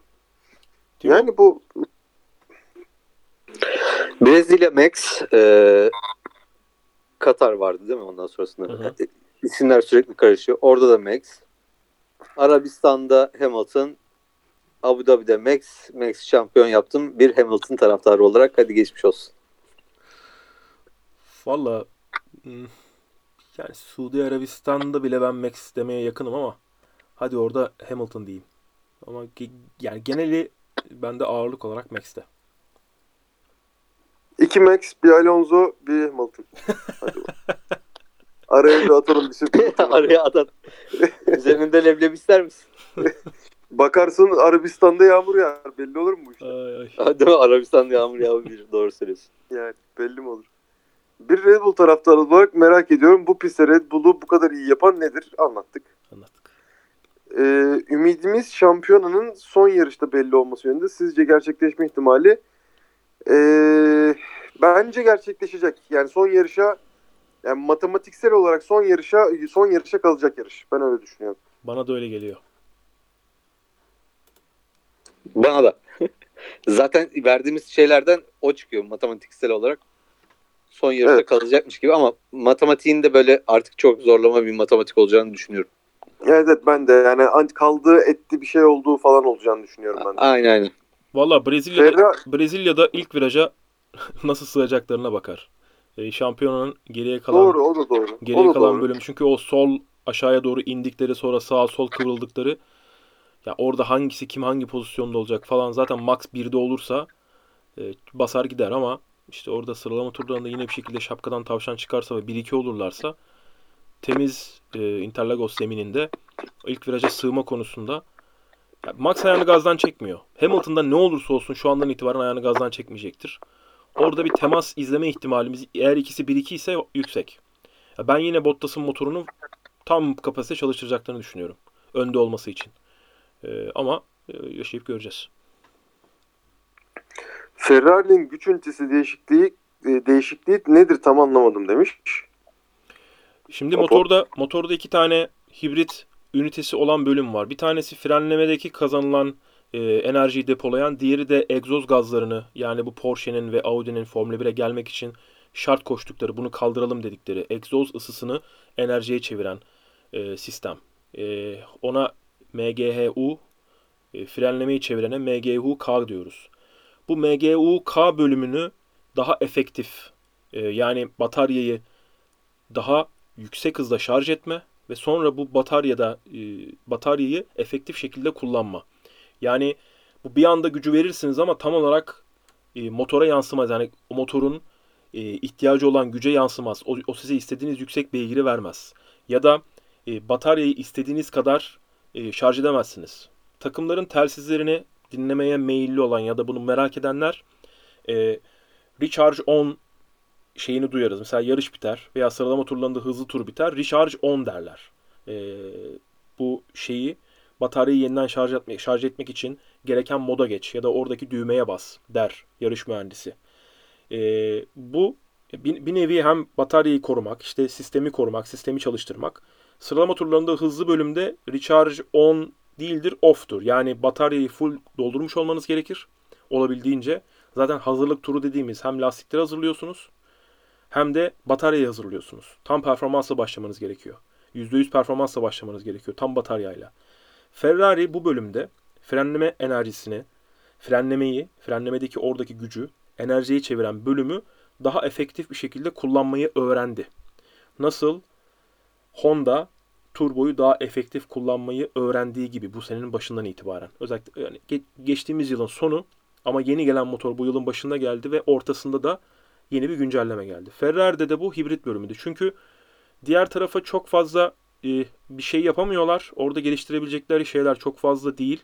Zaten e, orada birçok takım için tepe noktasına ulaşılmış durumda. E, ama orası da bir yandan da daha karmaşık. Onlar bahsettiğim frenleme bölümündeki e, meseleyi, bunu kullanmayı, bataryayı daha hızlı doldurmayı ve o doldurdukları bataryayı daha efektif kullanmayı, onu daha yüksek güce çevirmeyi öğrendiler Ferrari. Ee, bakalım içten yanmalı ve turboda da daha iyi bir güncelleme yapabilecekler mi onu da göreceğiz. Henüz bilmiyoruz ama. Ya motorda değil. içten yanmalı bölümünde ya da turboda değil. Hibrit bölümünde geliştirme yaptılar. O zaman devam. Edemedim. Ettim. Ee, onu o söyledi. Yarı sonunda, heh, yarı sonunda neredeyse ağlayacaktım. Keşke biz de yaşayabilsek böyle bir gururu diye. Bunu daha önce ben söyledim. Ee, görür müyüz bilmiyorum ama bir Türk Formülü 1 pilotunu e, İstanbul Park'ta ya da işte Almanya'da da olur muhtemelen. Öyle canlı kanlı görürsek gerçekten e, bir futbol tribünü gibi bir durum yaşarız gibi geliyor bana.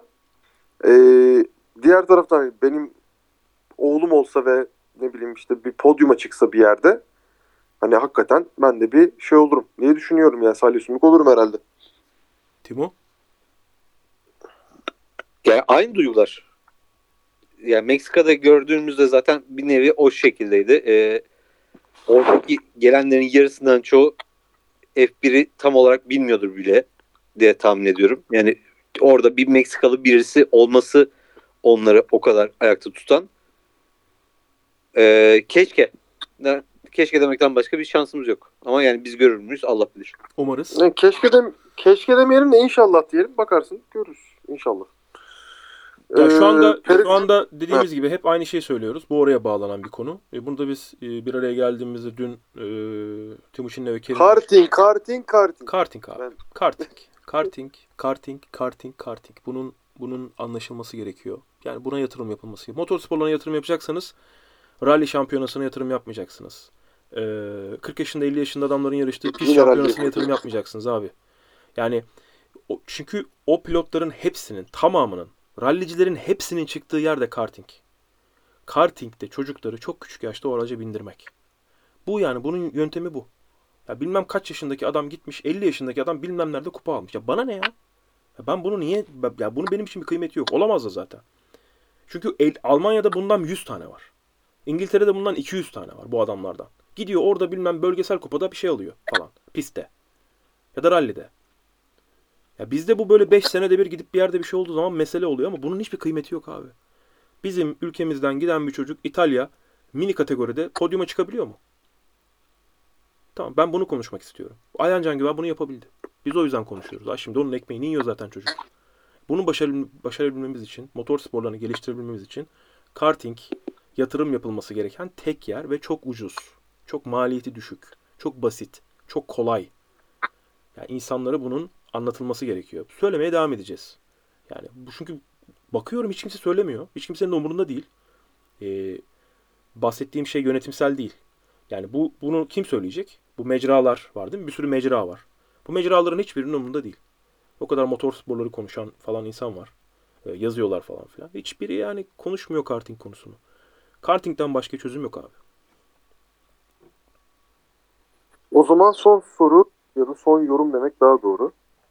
Ee, saçma sapan bir pist bu Meksika demiş. San ee, seyirciler baksın arabalar geçsin tarzında. Bakayım tam olarak. Ee, Meksika yaparken araçlar geçsin taraftar baksın diye yapılmış demiş. Evet yani o özellikle stadyum bölümü falan maksimum seyirci alıp otomobillerin ee, tam olarak önlerinden geçebileceği şekilde dizayn edilmiş zaten. Özelliği de birazcık bu. Evet. Birkaç tane haber var. Onları da konuşalım. Üstüne yorumunuz varsa alalım. Ee, Sonra Formula da- 1 mi? Formula Sonra 1'den tamam, devam e. Formula 1'i bir kapatalım. Sonra da bu hafta sonu e, rally olacak. Onu da biz Kutay'dan birazcık dinleyeceğiz. E, Brundle bir olay yaşamıştı Amerika Grand Prix'sinde gridde. E, Brundle'ın geçmişte neredeyse gridde konuşmadığı ünlü isim kalmamıştır. Amerikalı bir rapçi hanımefendi gridde yürürken yanında da arkadaşlarıyla, korumaları ve arkadaşlarıyla birlikte yürürken orada gelip birisi Brundle'a engel olmaya çalıştı ve Brundle'a dedi ki işte sor, bana bir şey soramazsın ya da ona bir şey sorma gibi bir cevap verdi. Bir, bir şey söyledi. Brundle'a dedi ki kusura bakma zaten sordum dedi. Ee, ve bir Brundle kuralı getirildi Formula 1'e. Artık eğer gridde yürüyecekseniz, grid'e katılacaksanız ya oradaki takımlar, takım elemanlarından, takım yöneticilerinden, FIA'nın ya da Formula 1 yöneticilerinden birisi değilseniz bir ünlü orada yürüyecekse yanında hiç kimse olmayacak kural gereği. Yani bazen eşi olabiliyor, bazen çocuğu olabiliyor ama hani böyle görevlisiydi, basın sorumlusuydu falan bunların e, işte bodyguardıydı falan bunların hiçbiri olmayacak kesinlikle. Ve Brundle ona direkt kural bu. Bunu şey yaptılar. Biz hikayede paylaştık ama onu eklemeyi at- atladım. Ve Brandl ona mikrofonu uzatırsa konuşmak zorunda olacak. Timuçin ne diyorsun? Çok güzel. Ee, bu kuralı koyanların da ellerine sağlık. Abi bir de e, kesinlikle oraya giren kişi sınırlaması da getirilmesi gerekiyor ya. Amerika'da çok kalabalıktı orası. Çok kalabalıktı evet. Amerika'da dehşet bir kalabalık vardı. Yani tabii ki e, büyük bir organizasyon. Herkes orada bir şekilde oraya çıkmak, girmek istediği için pis yöneticileriyle devasa e, pazarlıklar falan yapılıyor böyle yani kafa ütüleme derecesinde. E, iki tarafı da hak görüyorum ama e, kesinlikle oradaki insan sayısının azalması gerekiyor. E, ve bu şekildeki insanların yüzde yüz girmemesi gerekiyor. Kutay? Ee, ben de aynı şekilde düşünüyorum. Ya zaten oraya girdiği zaman hani ne olabilir ki bir insana? Yani bodyguardında olmayı versin ne olabilir? Yani değil mi? Yani bir tane böyle durup ne bileyim işte Perez böyle kaskıyla vuracak hali yok ya sana yani. Zaten onlar da kendilerine göre selebritiler.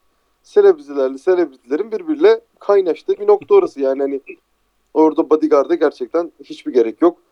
Hani basın sözcüsü, hani basın danışmanı belki biraz ağır olmuş olabilir. Yani bu ama şeyden bah- kastetmiyorum. E, menajer gibi olanlardan kastetmiyorum. Yani basına karşı ne konuşulacağı bunlar da ben selebritilerde özellikle belli yani. Olmazsa uyarılıyor falan. Hani onu oradan almak belki doğru mu? Şimdi selebriti olduğumu varsayayım, orada olduğumu varsayayım. Bilemedim. Ama bodyguard yani gerçekten gereksiz. Bir de orada gereksiz tipler falan vardı o yüzden. Bence de doğru karar. Çok doğru bir karar. Martin Brundle kuralı dediler zaten kuralın ismine. Yani F1 tarafı değil de genel olarak yarın yayınlayan herkes Brundle Klaus dediler. Ee, bu yeni çıkan kurala ben de %100 destek veriyorum. Geçtiğimiz hafta sonu Christian Horner'a bir soru soruldu. Yani Christian Horner'a Toto Wolff ile arasında kavga mı var? Nedir bu durum? Hani ne nasıl bir yorum yapacak gibi bir yorum yapıldı. Ee, Christian Horner da e, pardon Toto Wolff de pardon Christian Horner da dedi ki Toto ile bir sorunum yok. İyi bir iş yaptı diyor. Orada bir duraklama var. Çok kısa. Devraldığı takımda dedi. Yani e, orada şunu söylemek istiyor.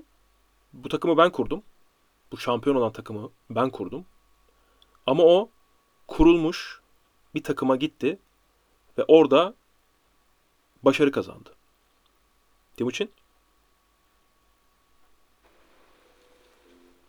Yani tam olarak duyamadım kim kime ne dediğini ama Christian Horner diyor ki benim Toto ile hiçbir problemim yok. İyi bir iş yaptı. Orada konuşurken bir duraklıyor. Kısa bir an. Devraldığı takımla diyor. Yani ben Red Bull'u ben kurdum. Bu başarıyı ben kazandım. Ama Toto'ya bir takım emanet ettiler. Bir takımı devraldı. Yani Rose Brown. doğru biraz Rose Brown'dan aldı o takımı. Hı hı.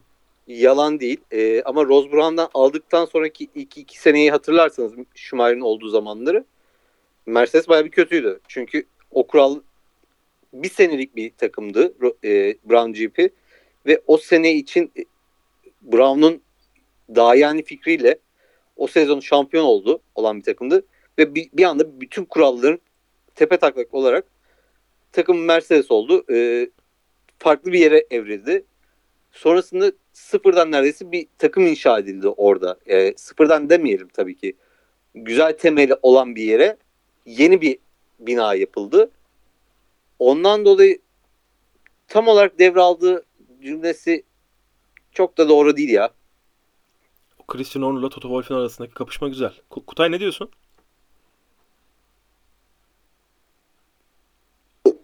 Şöyle söyleyeyim.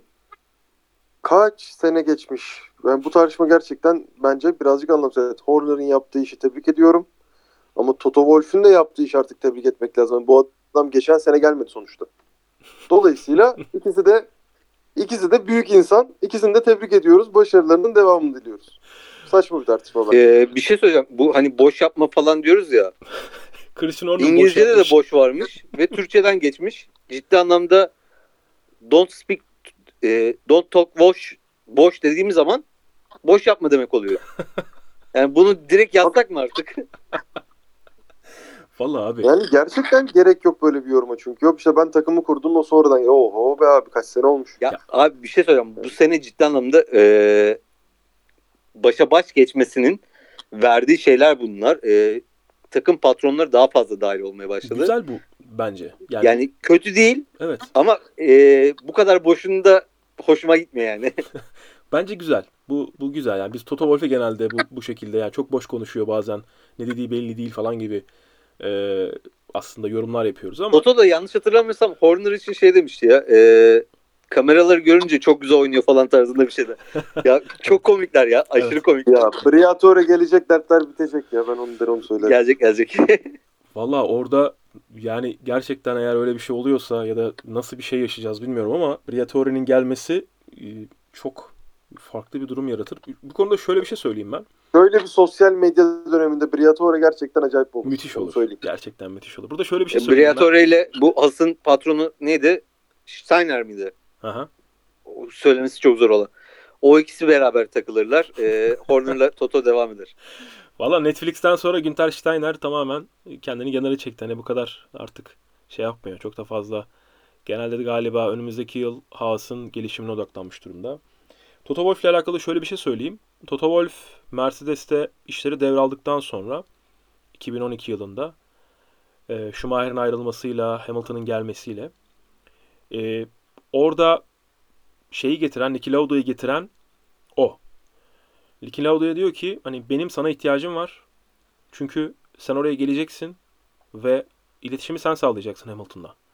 Onun dilinden konuşmayı çünkü sana saygı duyacak. Yani Niki Lauda bu.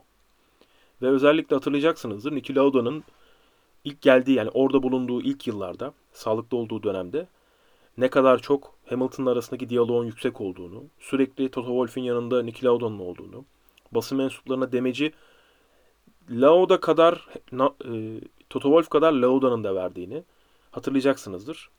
Toto Wolff çok iyi bir yönetici. Bu konuda hakkını vermemiz gerekiyor. Ve tam olarak söylemesi gerektiği yerde söylemesi gereken şeyi söylüyor. Christian Horner da öyle. Yani iki tane çok büyük, en büyük e, Formula 1 yöneticisinden, takım açısından, takım tarafından e, bahsediyoruz. O yüzden kendi aralarında böyle konuşabilirler. Takım patronu takım patronuna cevap veriyor çünkü. Ya pilot da takım patronu falan konuşsa hoş olmaz ama iki büyük takımın iki deneyimli, çok deneyimli patronu atışma yapıyorlar. Kaldırabilir ikisi de. Çünkü arkadaşlar falan. Pek arkadaş değiller ama hani denkler.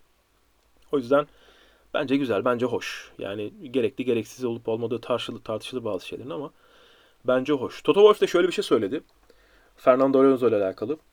Ee, bundan önce Timuçin'e soracağım. Timuçin, Toto Wolff dedi ki Fernando Alonso güneş sistemi nin içerisindeki güneş sisteminin içerisinde olduğunu kabullenmeli. Güneşin kendisi değil Fernando Alonso. Güneş sisteminin içerisinde gibi bir yorum yaptı, gibi bir cümle kullandı. Tam olarak hani not the solar system e, he is the hani he is not the sun, he is in a solar system dedi. E, ne diyorsun? Yani niye niye niye böyle bir şey söylediğinden ziyade hani ha- e, çok fazla şey konuşması oluyor ya. Bu Hamilton'ın üstüne baskı kurmak için. Çünkü onu da söyleyeceğiz şimdi. Hamilton'la alakalı bir yorumu vardı hafta sonunda, hafta içerisinde. Evet Alonso sürekli Hamilton'a karşı bir Evet. söylemi var. Ya aslında direkt net bir şekilde de şey söylüyor yani e, Max'in şampiyon olması için elimden geleni de yapacağım diyor. Bu saygı duyulacak bir şey bence. E, sonuçta herkesin kendine göre bir fikri var. Evet. Bunu da dillendirmekte de özgür. Ama Mercedes taraftarı ve Hamilton taraftarı olsan e, bu kimse Öyleyim yani zaten. o, o kişinin o kişinin hoşuna gitmez. Yani bu bu tavır. Rakip bir Ya takım. öyleyim zaten. İçerisinde- Mercedes taraftarı, yani Fernando Alonso'nun-. Fernando Alonso'nun şeyini seviyoruz abi. Yani genel olarak pist üstü mücadelesini falan çok seviyoruz. Ee, Kutay'a sözü vermeden önce kendi yorumumu yapayım. Öyle Kutay'a sözü vereyim. Ama şey içerisinde bulunmadığı bir mücadelede sürekli yorum yapması yani umarım Ya- Alonso devam eder. Yıllarca devam eder ama bence hoş değil abi. Gerek yok. Alonso bence Max'e biraz kendini de görüyor. Hı hı. Ee, Schumacher'in o dönemini kapatan kişi Alonso'ydu. Hı hı. Ee, Hamilton'ın da devasal bir dönemi oldu. Şimdi de onu kapatacak birisi geri geliyor. O da Max olacak. Ee, kendisi gibi bir hayatla izlediğini görüyor. Ee, kendi kafasında şey var çünkü. E, İngilizler bu sporda herkesten daha avantajlı Evet. olduğunu düşünüyor. Max'in de İngiliz olmaması, kendisinin de İngiliz olmaması, biri İspanyol, diğeri Hollandalı olması ve bir şekilde başarıya ulaşmaları ne bileyim Max de büyük bir ihtimalle kendini çok fazla görüyor. Kendisi gibi olduğunu düşünüyor. Ondan dolayı fa- de- fazlaca destek veriyor. Timuçin'in e, devam ettirdiği yerden alıp biraz yorum yapıp sana vereceğim Kutay. Şimdi Schumacher'in yıllarını hatırlıyorum. İngilizler özellikle e, Schumacher'in işte burada yavaşlayacak mı? Bir şey olduğu zaman e, işte bu Schumacher burada doğru mu hareket etti? Böyle yapmamalı mıydı? Gibi sürekli onun onu eleştiren, onu daha fazla diğer pilotlara göre daha fazla eleştiren, e, net bir şekilde haksızlık yapan bir tavırdaydılar özellikle. Hem kariyerinin başında ya Schumacher temiz bir pilot değildi. Yani benim en çok sevdiğim, tarihte en çok sevdiğim adam olmasına rağmen e, sporcu olarak ama temiz bir pilot değildi. Elinden geleni yapardı. e, üstüne kırardı, vururdu, ederdi. Her şeyi yapardı yani. E, daha sonra Alonso dönemi geldi. Özellikle McLaren'e geldiğinde. Orada da Alonso'yu e, neredeyse dışarıda bıraktılar. Yorumlarda, yaptıkları şeylerde. Basından bahsediyorum. Takımı değil, McLaren'e değil. Sonra e, Vettel'le kapışırken Red Bull yıllarında Ferrari'deyken Alonso'ya yine aynı şekilde çok sert yorumlar yapıyorlardı. Pist üstü mücadele konusunda değil ama genel olarak tavrıyla alakalı, tarzıyla alakalı. Burada da dedi ki e, Alonso'nun söylediği üzerinden sorayım sana. Max'ın baskısı altında Hamilton e, kendini dedi şey hissedecek hani baskı altında hissedecek ve dedi yani burada bir kırılma yaşayacak dedi. E, bunu kaldıramayacak dedi. Hem Alonso'nun bu söylediği hani İngiliz lobisi konusu hem Hamilton'la alakalı yaptığı yorum. E, ne diyorsun? Yorumun ne bu konuya? Kutay. Buradayım buradayım. Ama bir ara bir kesiklik yaşadım bu sefer gerçekten. Tamam. Ee, o yüzden tam bir yorum yapamayacağım. Tamam. Bir ara gittim geldim orada kaçtı zaten. Ama şey söyleyeyim. Ee, Alonso tarafına döneyim. Evet Bilmiyorum Alonso. kadar Alon- Alonso zaten onu sordum abi. Yani Alonso e, bir süperstar. E, ne kadar yaşı geçmiş olsa da hala verdiği demeçlerle eski etkisini sürdürebilen de bir süperstar. Yani şu anda baktığım zaman bu adam 41 42 yaş 41 42 yaşında ve hala e, Formula 1'in ana aktörlerinden biri gibi davranıyor ve öyle ilgi görüyor. Bu da onun bu bu davranışları sayesinde oluyor. Dolayısıyla kendi marka değeri olarak baktığımızda doğru hareket ediyor. Ben bu konuyu tamamen böyle yorumluyorum. Evet, ben de içerisinde olmadığı, Alonso'yu seven biri olarak, içerisinde olmadığı mücadeleyle alakalı 1, 2, 3, 4, 5, 6 sürekli her hafta sonu her mikrofon uzatıldığında konuşması bence hoş değil. Çünkü çok saygı duyuyoruz ona. Pistin üstünde olması, geldiğini öğrenince, yeniden geleceğini öğrenince gerçekten sevindim yani. Alonso çünkü F1 tarihindeki bana göre en yetenekli 5 adamdan biri. Çok yetenekli bir adamdan bahsediyoruz. İyi ki geliyor dedim ama buna gerek yok. Yani bu kadar da Hamilton'ı sevmiyor, İngilizleri sevmiyor. Tamamen hakkı. Ee, o konuda ona kimse bir şey söyleyemez ama içerisinde bulunmadığı şampiyon e, bir Ya mücadelede biraz biraz şey oldu ona katılıyorum bu arada. Hani böyle futbol yorumcularında her şey yorum yapan vardır ya böyle bir tane eski hep Hamilton'la alakalı yorum yapıyor. Hep Hamilton'la alakalı yorum yapıyor. Yani onu da Abi şimdi Hamilton'la onu da keşfettiler abi. Soruyorlar. O da hiç öyle ya başka bir soruya geçelim demiyor. Çünkü Fettel mesela yapıyor onu ya da başkaları yapıyor. Ya e, başka bir şey var mı diyor. Yok. O zaman devam işte bitiriyor. Ama Alonso öyle değil. Soru soruluyor ona. İngilizlerle alakalı, Hamilton'la alakalı, Max mücadelesiyle alakalı. Başlıyor konuşmuyor ve hiç susmuyor. Ee, ben onu söylüyorum sadece. Ya bence bu kadar şey yapmamalı. Bu kadar bu konuyla alakalı konuşmamalı. Hafta sonuna gelirken e, Perşembe günü e, basın toplantısında Ricciardo ile Perez ortak e, ikisi yan yana katıldılar basın toplantısına. Ve Ricciardo'ya dediler ki Timuçin e, Perez'in yerinde olsan yani takım arkadaşına yol vermen gerekse ev evinde yapılan bir Grand Prix'de, evinde yapılan bir yarışta yarış kazanacakken arkana takım arkadaşın olsa ve bunu sorduk zaten bizi takip edenlere. Ona yol vermeni istense ne yaparsın? Dediler. Ricciardo da dedi ki hani ben dedi e, yani yarışı kazanmaya giderim dedi. Yani bekara karı boşamak kolay diye bir laf vardır. Birazcık öyle oldu Ricciardo'nunki ama ne düşünüyorsun abi? Burada Perez önde olsaydı, galibiyete gidiyor olsaydı ve yarışı tamamen sürüklese ediyor olsaydı arkasında da Max var ikinci sırada. Sence yol vermeli? Yani orada takım patronusun. Christian Horner'sın. Ne yapardın abi? Abi bir yarış e, gözümü kapatır ondan yer istemezdim. Öyle mi? Çünkü her pilotun hayalidir. Ee, ilk başta kendi evinde kazanmak. Evet. Sonrasında dünya şampiyon olmak. Evet. Kendi evinde kazanmak dünya şampiyon olmaktan bir tık daha önde olabilir. Evet. Yani ilk hedef ola- olarak gözükür. Perez'in dünya şampiyon olma gibi bir hayali artık kalmadığını herkes biliyor. Ee, o artık bundan sonrasında yarış galibiyeti almak alabilirse ve alabildiği kadar podyum almak için Red Bull'da. Tabii ki de e, bunun e, sonuçları olarak Max'e yardım etmesi gerektiğini biliyor. Ama öyle bir durumda olsaydı eğer şayet Perez önde götürüyor olsaydı yarışı arkasındaki takım arkadaşına yol vermesi istense ben onun yerinde olsam vermezdim. O verir miydi? Ee, onun cevabı daha güzeldi. İnşallah böyle bir durumda oluruz da onu konuşuruz dedi.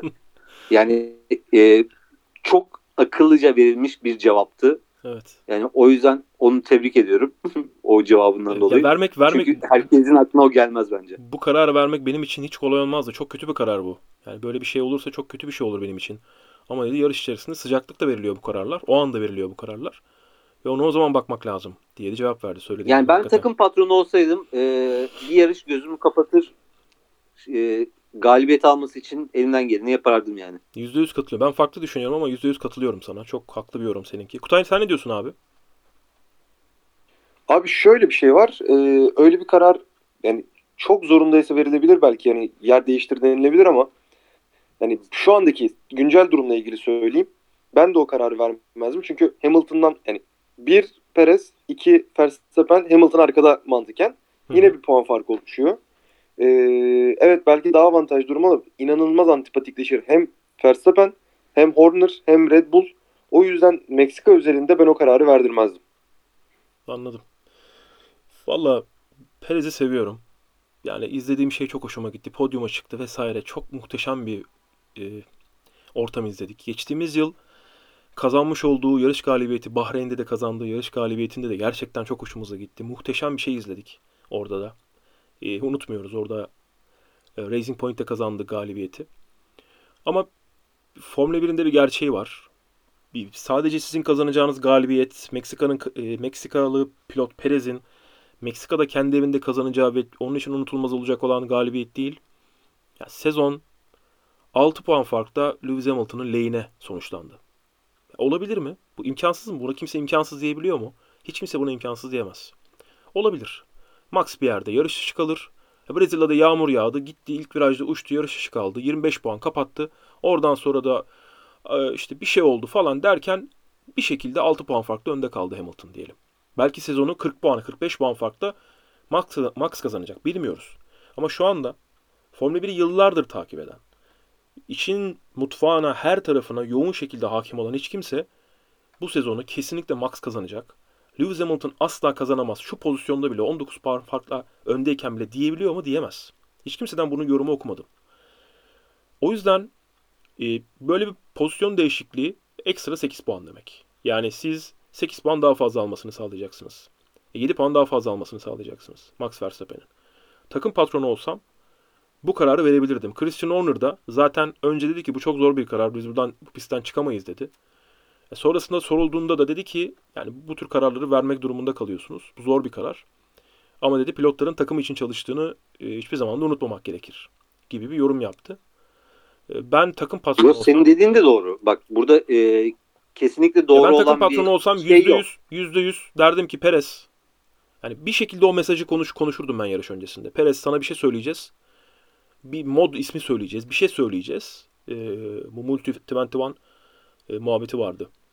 Ee, Weber'le Vettel arasında. Vettel yol vermemişti. Weber, Weber'e yol vermesi istenmişti. Ha bu arada Perez yol verir yol vermez onu bilmiyoruz.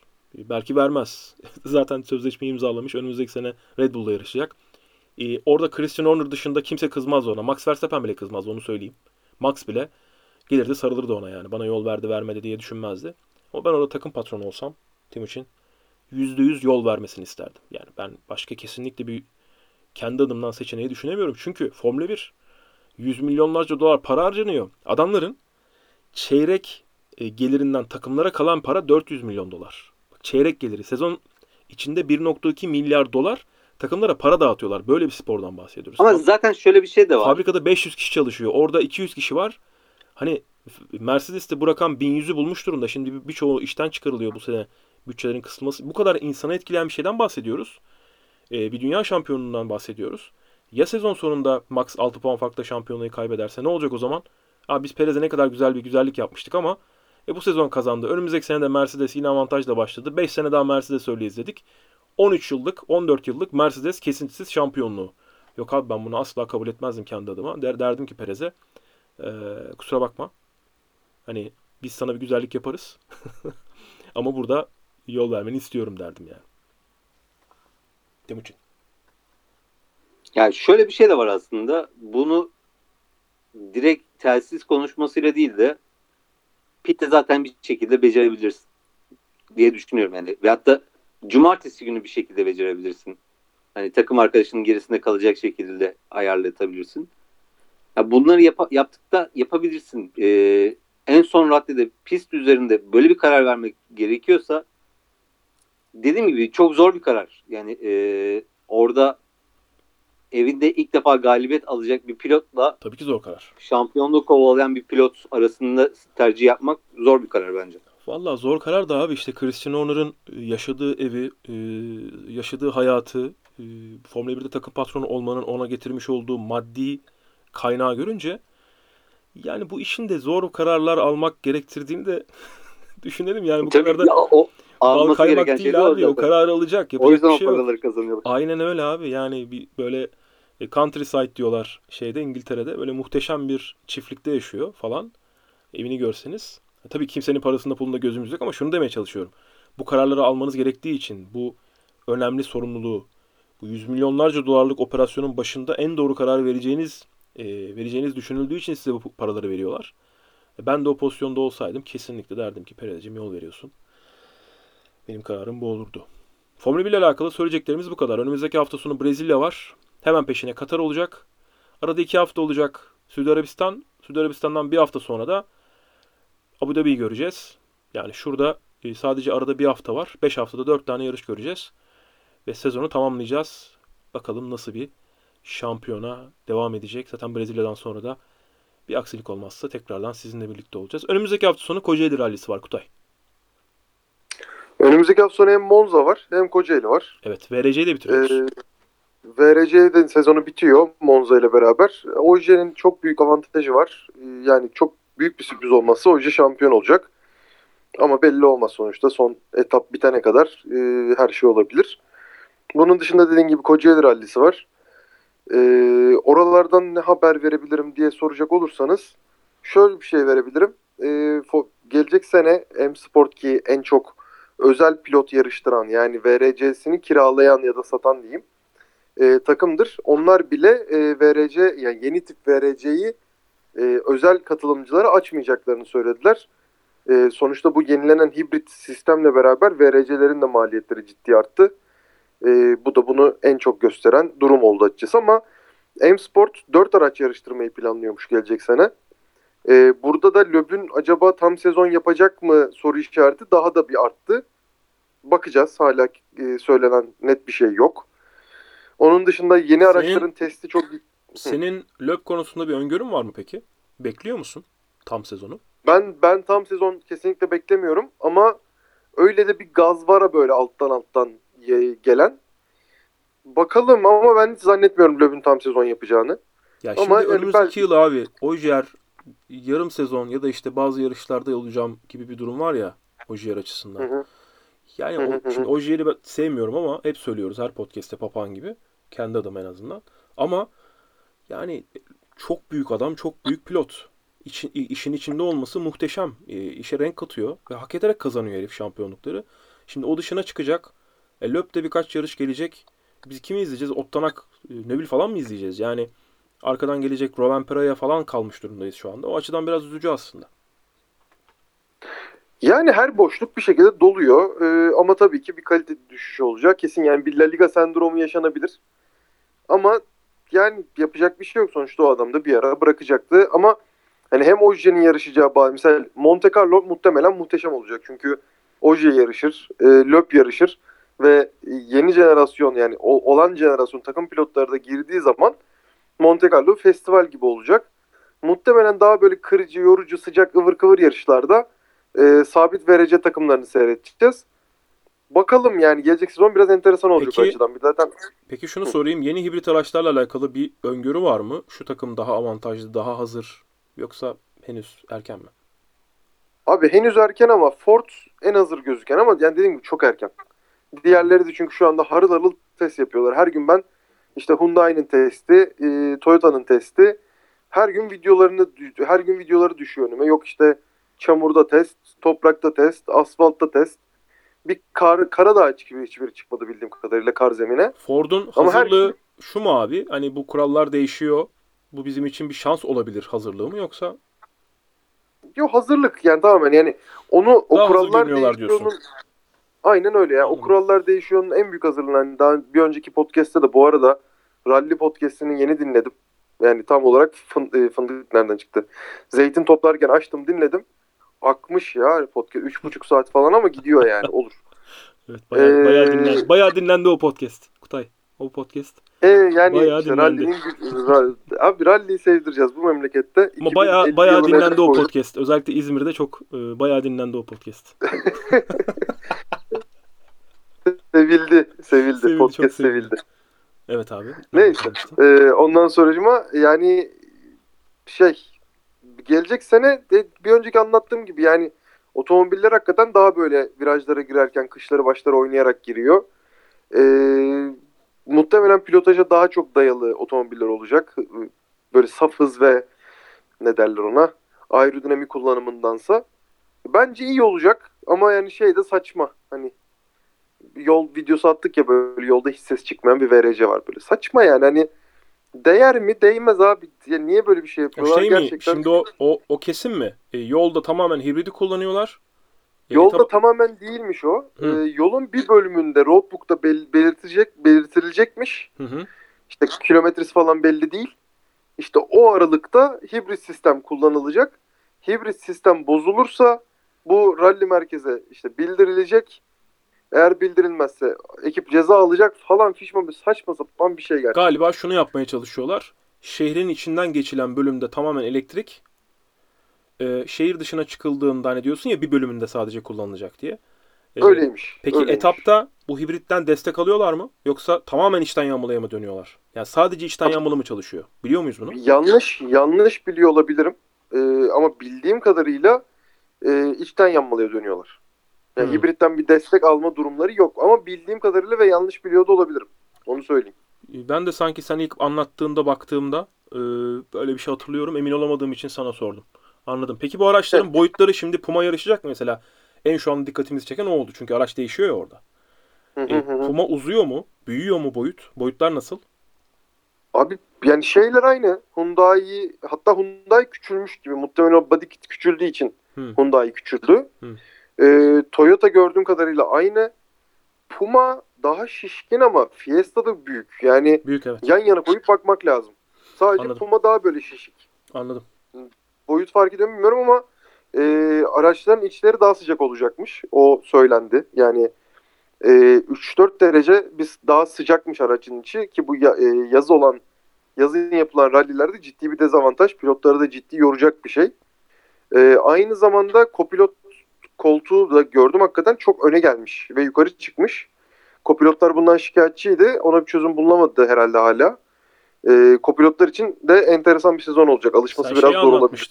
Bu araca eklenen yeni güvenlik, cage'e eklenen yeni güvenlik bölümlerini anlatmıştın. Acaba kopilotlar için hani Onunla biraz- alakalı biraz da. Onunla alakalı mı? Hani Onunla alakalı. O, Daha onu- tehlikeli o değil mi? güvenlik- kopilotun alıştıkları noktayı değiştirmek tehlikeli değil mi? Ya, tehlikeli ama işte hani cage tam onları sarsın yani böyle bir NASCAR cage'i gibi. Hani araba her yerden de darbe alsa böyle bir yaşam havuzu oluşturma üzerine kuruldu o yeni sistem. Peki kopilotun O açıdan da daha kopilotun oturma pozisyonunu değiştirmelerinin sebebini biliyor muyuz? Ya, kopilot normalde en geri ve en aşağıda oturur. Bu Evet. kopilottan kopilota değişebilir ama standartı bu. Tamam. En geri mesafesi öne geldi. Ha. Bu hibrit Olay Yani- eklenmesinden kaynaklı mı? Yok bu tamamen cage ile alakalı. Cage sisteminin değişmesiyle Hmm. alakalı. Anladım. Bakalım ilginç. Yani çünkü tam yani şey böyle hani dediğim gibi araba her yerinden bükülse bir yuvarlak top şeklinde e, şey oluyor. Onlara bir yaşam havuzu kalıyor Anladım. gibi düşün. Anladım. O, Puma- o yüzden de orayı böyle daha dik bir şey yaptılar. Puma'nın tasarımını beğendin mi sen? Abi kötü değil. Hatta mevcut ve mevcut Fiesta'dan bence daha güzel. Ama Fiesta biraz ben- şey oldu zaten ya artık eskidi ya yıllardır var. eskidi, yüzü eskidi. Yüzü eskidi o yüzden doğru karar bence. Ama yani ne bileyim abi çok şişik geliyor bana. Çok böyle hormonlu gibi bu. Ama yeni otomobiller de öyle. O yüzden bir şey diyemezsin yani. Alışmamız mı gerek? Timuçin e, şeyi görmüşsündür. Puma'yı görmüşsündür. Sen Puma'ya ne diyorsun? Tipini falan. Ne diyorsun? Yani rally versiyonu bir tık bir şekilli güzel olmuş gibi geldi bana. Aha. Hani e, yol versiyonunu hayır, hayır benim gözümde ama nedense e, beğenmediğim araçların rally versiyonu yapıldığında be- benim o araca karşı bir sempatim artıyor. Puma da aynı şekilde oldu. E, ben beğendim açıkçası görselini. Anladım. Evet Abi bana şöyle bir şey var. Güzel Bak, geldi. şöyle ya ben ben şey değil, uzak değilim Puma'ya. Size bir sorayım dedim hani. Ben pek uzak değilim o araca. Abi şöyle bir şey var. Bu çok net e, ve hiçbir şekilde değişmeyecek bir doğru. En çirkin araca yani aklını getirebileceğin o Fiat'ın mıydı? Garip bir arabası var ya. Evet evet. Ben hatırlayamadım. Tamam. Heh. En çirkin otomobile dodik tak o araba güzel oluyor. Değil mi? Bir şeyler Bu oluyor. ona. 2 artı 2 4 değişmez. Evet. Aynen öyle. Ee, bunun dışında böyle düşünüyorum verebileceğim bir haber var mı oralardan Monza diye. geçtiğimiz yıl e, biraz garip biri. O yarış hani anlamaya çalıştık ya sen hani bu tip pisti kullanıyorlar, neresini kullanıyorlar, dağa dediler falan. Bu sene bu dengeyi nasıl Bir Monza kurmuşlar? köy Monza Monza köyünün etapları var. Onlar baya böyle İtalyan rally şampiyonasının Monza dar kö- asfalt etapları. Monza köyü de bir Ee, ilginç tabirmiş. Ee, Evet Monza köyü yani yapacak bir şey yok. Hani köyün adı Monza mı bilmiyorum bu arada da Monza köyü işte. Yani. Monza kasabası Onunla-. Monza kasabası, Monza köyü artık Monza neyse. Evet. Village, Village Monza, welcome to Monza. Hadi bakalım. Ee, pistin de her türlü formasyonunu kullanıyorlar. Yani pistin ara yolu, ana yolu, pistin arkasındaki toprak yolu. Ee, ama geçen seneden e, farklılık hani bundan önce de söyledim. Dağ tarafı pist tarafından daha fazla olacak. Etap sayısı da öyle. Hı. Yani öyle bir formasyon oluşturdular. Öyle dediler. Bakalım nasıl olacak göreceğiz. Ee, ama Monza genel olarak güzel bir yarış. Yani Ya bu peki VRC'nin bu VRC'nin yarış sayısının az olması konusuna ne diyorsun? Ya bu adamların parası mı yok? Yani niye bu kadar az yarış yapılıyor? Niye daha fazla yarışın olduğu? Bazı yarışlar arası çok uzun. E, Takımlar buna okey mi bu kadar da? Bilemiyorum ben. Ne diyorsun? Bu konuda bir şey okuyor musun? Yorum yapıyorlar mı hiç? Bir şey söylüyorlar mı? abi normalde normalde VRC takvimi 12 yarış. Hı e, 14 yarışa çıktı. 16 yarışa çıkartmayı düşündüler vazgeçtiler. Hı hı. Yani neden bilmiyorum ama 14 yarış. E, muhtemelen VRC'nin Formula 1'den daha yorucu, yani Formula 1 ile kıyaslayalım hadi burada. Daha yorucu olmasıyla alakalıdır diye düşünüyorum. Yani biri sprint, biri endurance olduğu için herhalde onunla alakalıdır diye şu, düşünüyorum. ama şu yani- açıdan söyledim ben açıkçası bunu. Şimdi VRC takvimi Ocak'ta başlıyor ya abi. Hani şey gibi Formula 1 gibi Mart'ta başlamıyor. Ocak'ta başlıyorsun. E, Monaco'nun ardından hemen bir Finlandiya yapma, şeyi yapman, e, İsveç yapman gerekiyor. Karı e, kaçırmaman için. E, tamam. Ama hani bütün seneyi yayabiliyorsun. Yani Kasım ayının sonuna kadar yayma şansın var. Hadi Kasım'ın hatta 15'inde falan bile bitirebilirsin. Şimdi önümüzdeki hafta bitecek mesela. İşte 15'inde falan bitiyor. E, bir 10 aya 10 aya yayabiliyorsun sezonu. Hani çok uzak mesafelere gitmiyorsan 3 haftada bir çok rahat yapabilirsin. E, arada uzak mesafeleri kıta değiştireceksen falan biraz hazırlığa ihtiyacın varsa bazı yarışların arasına falan 2 ay işte bir ay koyarsın iki sefer. Ve bu şekilde çok rahat 16 yarış yaparsın. E, çünkü Toyota'nın çok büyük bütçesi var. Hyundai'nin çok büyük bütçesi var. Bu adamlardaki dörder araçta gelebilirsiniz de. Gelsinler. E, Fiesta'da şeyle e, M Sport'ta 3 araçla gelsin. E, gerekirse ona biraz destek ver. Hani sporu büyüt. Daha çok kıtaya gitsin. Daha çok yarış yapılsın. Daha çok seyirci takip etsin. O VRC o taraftan biraz zayıf kalıyor gibi geliyor bana. VRC'nin zayıf kaldığı bir sürü taraf var. Bunu bir önceki podcast'te de çok konuştuk. Ama yarış sayısı olarak e, dediğim gibi 16'ya çıkartılma konuşuldu ve tamamen vazgeçildi şu anda oradan. Hmm, Yani nedenini bilmiyorum açık söyleyeyim. Anladım. Ama durum bu. anladım. yani durum bu. Hani öyle bir şey var mı okuyor musun falan diye sorayım dedim. Okey. Yok yok yok öyle öyle bir iş yani yarış sayısının arttırılması gibi bir konu şu anda hiç yok ortada. Tamam. Ee, Monza ile alakalı başka bir şey söyleyecek misin VRC ile alakalı? Monza ile alakalı galiba söylemeyeceğim. Ee, Kocaeli ile alakalı söyleyeceğim. Kocaeli'ye soracaktım. Ee, şimdi Bir biz... yabancı bir yabancı R5 Hı hı. Ee, Mustafa Çakal ve Erkan Erkan Güral da R5'leriyle geliyor. Yani yine böyle bir kaç etti? 3 tane sabit var. Hakkı 4. O yabancı 5. Erkan Güral ve Mustafa Çakal'ı da şey yaparsak 7 tane R5 var. Hı hı. Sayı güzel arttı. Yani ilk 43-44 otomobil e, pilot performanslarından bağımsız konuşacağım. Gayet böyle izlenebilir. E, modern otomobiller. Ondan sonra da devam eden otomobil serisi hani historikler historikler tabii bazen yani Palio da var her zamanki gibi ama hani genel olarak bakıldığı zaman güzel bir e, rally parkı gözüküyor. R5 dediğimiz ne oluyordu abi? VRC'den sonraki. VRC otomobillerinden Girme sonraki. girme oraya girme bak. En hızlı otomobil. Yok, hayır. de güldüm çünkü. R5 dedin ya. Evet. Hani 7 tane R5, R5 var. R5, R5, VRC'den sonraki en güçlü Heh, otomobil. o 7 tane bundan izleyebiliyoruz yani Kocaeli'ye gelince. Evet, evet. Tamam, güzel. Güzel, hakikaten güzel bu arada. Ee, Kocaeli'nin seyirci yani seyirci noktaları da kolay. Girme, girme Yani oraya girme.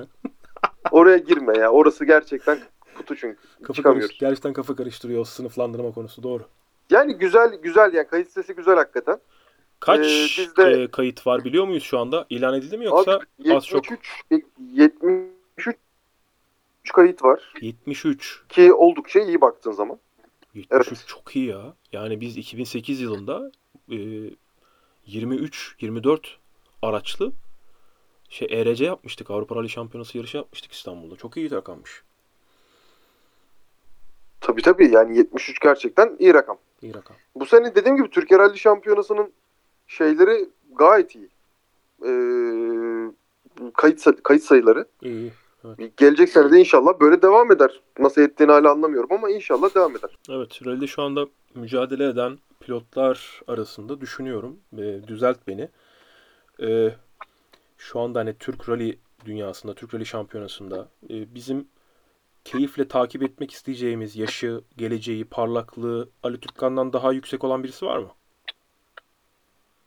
Şu anda görünürde yok yani Emre Hasba'yı da o işe ekleyeyim ama Emre Avrupa şu anda yapmadı. Evet, Umarım yani Ali- Ali olur Türkkan- ya da fırsatı olur ya zaman olur. Evet hani Ali Türkkan şu anda Ee, elimizde. gençlerden Ali Ali Evet. var yani şu Evet. anda en ciddi Abi, gözüken Ali. yaşlılar, büyükler falan umurumda değil. Onları boş ver. Yani 30 yaş üstü falan adamlar benim umurumda değil. İsterlerse 25 tane şampiyonluk kazansınlar. Geçmişte Yağız vardı. Ya bu arada yani, gen, yani gençleri de kazandı bu arada. Yani title olarak Evet. Çok güzel title'lar evet. kazandı. Ya o yüzden hani ben O- büyükler falan hani İnşallah onları bir üstte kazanır. bilmem ne kaç yaşındaki adam gitmiş Türkiye Rally şampiyon olmuş falan benim umurumda değil. Onun bir kıymeti yok benim açımdan. Şimdi Ali Türkkan çok genç bir adam. Çok genç. Ve Türkiye'deki rally açısından geleceğe dair hani gider Avrupa'da bir şeyler kazanır. e, Türkiye'de rally'e olan ilgiyi hani Yağız'ın etrafında böyle 3 kez rally şampiyonu oldu, 4 kez oldu gibi ve onun etrafında bir ilgi büyüdü ya. Bir şeylere katıldı. Yani sessiz bir insandır. Onun belki bir dezavantajı oldu. Böyle sessiz birisi olmasının vesaire ama işte Red Bull'la vesaireyle birlikte o iş biraz büyüyebildi. Ali Türkkan'da da öyle bir durum var. Yeteneği çünkü var adamın. Ya çocuğun. Adam demeyeyim. Ee, genç genç insanı. Ad, adam artık yani. Ya adam oldu evet. Yani artık oraya diyebiliriz. Ee, genç bir adam, parlak bir adam ve geleceği var. Ee, rallide, rally ile alakalı, Türkiye'de bu sporu büyütmekle alakalı. Ee, bazıları bu şansı kaçırdı. Hep Yiğit Timur'un adını veririz. Yiğit Timur'undan sonra Kerim'in adını veririz. Ee, onlardan geçti artık bu iş. Ee, Kerim'in hiçbir zaman Kerim'in hiçbir zaman öyle bir bütçesi olmadı. Ee, Yiğit'e hiçbir zaman zamanında öyle bir araba vermediler. Ali Türkkan zamanında öyle bir araba verilseydi Yiğit'e, Ali Türkkan yaşındayken öyle bir araba verilseydi Yiğit'e çok hızlıydı. Bambaşka bir şey olabilirdi tabii ki. Evet. O yüzden Ali şu anda elimizdeki tek adam. Evet. Bu genç, genç parlak geleceği. E, çünkü Türkiye'de rally dediğimiz zaman hani 85 milyonluk ülkede yaşıyorsun.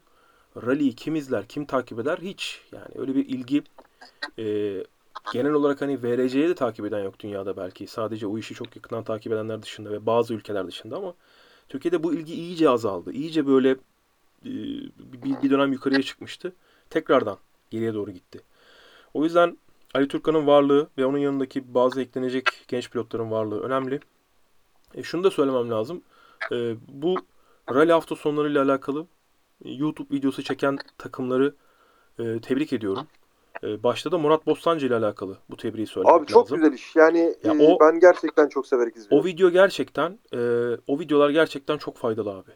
Ve hani böyle kendi video mesela kendi kazalarının videolarını kendileri paylaşıyorlar. Hiç kazan mesela araç Ee, o, o kısma şaşırıyorum gerçekten. evet Normalde araç içi, araç içi videoyu bir paylaşmış şey abi. Bak araç içi videoyu paylaşmış. Bu çok kıymetli bir Ben şey. hiç beklemiyordum. Evet. Ben hiç beklemiyordum o videoyu. Evet. Ee, şaşırdım ve açıkçası mutlu da oldum. Ee, ve hani gayet her şeyle iyi misiniz? Hı. Abi iyi misin? Hı hı. Yani her türlü detayıyla Hı hı. koyulmuş videoda ben çok gerçekten şaşırdım ve mutlu oldum. Yani zaten o hani Murat'ın hani ilk sana söylemiştim hatırlıyorsun. Hı. çok güzel iş yapıyorlar diye. Hı.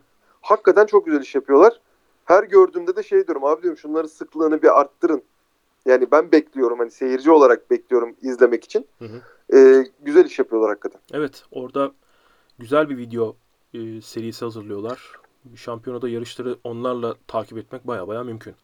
O, o açıdan Yani e, Ford e, takımını, e, Murat Bostancı'yı o açıdan tebrik ediyorum. Yani sosyal medya tarafını bu ilgiyi yükseltmek adına o çektiği videolar. Bir de videoların içeriği de güzel. Yani izletiyor kendini. evet. E, oradaki o güzel şeyi, dramı, e, o dramayı, oradaki gerginliği falan verebiliyorlar. Bu kolay değildir yani bunu yapabilmek. Ve bu tamamen doğalda onu kim çekiyorsa, kim kuruluyorsa onun da eline sağlık. Doğalda bunu yapabilmek de kolay değildir. Doğal bir şekilde yapıyorlar bunu. Tamamen o anı yakalıyorlar. O anı güzel çekiyorlar. Ya işte drone'u kaldıralım da şöyle her yere bir çekelim. Bunu da videoya işte araya da böyle gereksiz fon müzikleri koyalım. Ya videoyu böyle bakıyorum. Hiçbir tarafında öyle bir şey yok. Baya baya planlanmış. Güzel. Akıyor. Sanki yurt dışında bir takımın e, rally hafta sonunu izliyormuşum gibi. Evet evet yani gerçekten e, akıcı ve kaliteli bir şekilde Evet, yapıyorlar. evet. Yani Ford takımını. Yani bu vesileyle hem Mustafa Çakal'ı hem Ali Türkkan'ı bir kez daha tebrik edeyim. Umarım yanlış anlaşılmam. Çünkü yok yanlış, yanlış şey anlaşılmaya yok çok abi. müsait bir e, Yok. yapımız var genel olarak Türkiye'de. hayır. Yanlış anlaşılacak bir şey yok. Biz gördüğümüz Umarım şeyi, yanlış anlaşılmam. Onları yani gördüğümüz hangi şeyi takım ve hangi pilot olsa olsun inşallah daha yukarılarda görürüz. Hı hı. Bu en büyük niyetim. Umarım yanlış anlaşılmam dediğim gibi tekrardan. Evet. Ya Ali Türkkan şu anda dediğim gibi az önce elimizdeki e, en önemli yetenek. O yüzden hani gelecekte farklı başarılar kazanması. Bakın bu hafta sonu da inşallah onu ü- üzeriz yani. Bu hafta sonu üzerinde de elimizden geleni yapacağız. Zorlarız diyorsun elimizden yapabileceğiz ama geldiğince. Anlıyorum. Umarız dediğim Bakalım gibi, göreceğiz. umarız dediğim gibi gelecekte böyle genç pilotların erken yaşta kazandıkları Türkiye şampiyonlukları ile birlikte İnşallah. Çevre- Hakikaten inşallah. çevrelerindeki rally ilgisini e, büyütmelerini de görmüş oluruz. Ama sosyal medya çağında yaşıyoruz. Yani biraz o pilotların da işte Ali Türkkan'ı burada mesela örnek vermek gerekiyor. Biraz bu sosyal medyasını büyütmesi lazım. Biraz daha o videoları kendisinin de çekmesi lazım. Paylaşması lazım. Hikayeleştirmesi Ya orada şey var böyle e, klasikleşen yani hadi buradan o herkese bir eleştiri yapalım. Yani gidiyoruz yarışa işte bakıyorum gönderilere. Bunu ben de bu arada yapmıyorum ve sen bana kızıyorsun ama ben pilot kafasıyla düşünmüyorum. O anda daha farklı şeylere konsantre olduğum için kaçırıyorum. Mesela bu yarış biraz daha senin istediğin içeriği üretmeye çalışacağım. Aklımda var. Ya işte gidiyoruz. İşte herhangi bir pilot bu arada bu. Bakıyorum abi. Test testteyiz. İşte yol notu antrenmanı. Abi rally'yi bilmeyen bir adam onu gördüğü zaman o hiçbir şey ifade etmiyor onun için. Ya da ne bileyim ilk gün bitti sınıfımızda bir lideriz falan. Hani senin sınıfın ne? Niye lidersin? Ne oldu? Yani Arkadaşlarına paylaşıyor onu. O arkadaşlarına ertesi hafta rakı sofrasına beraber oturacağı arkadaşlarına bakın ben burada şu anda sınıf lideriyim. Ya da işte bir şeyin Ama işte o değil anlatabiliyor muyum ya? Evet, Gerçekten o değil. İnsan yani Ya dediğim gibi bak sen böyle insan- örnekleri veriyorsun ya. Sen böyle şeyler anlatıyorsun ya. Gerçekten böyle birkaç kişiyi önemsediğim için ben bu sporda genel olarak veya çok böyle çok net şeyleri önemsediğim için hani o geri kalan umurumda olmuyor.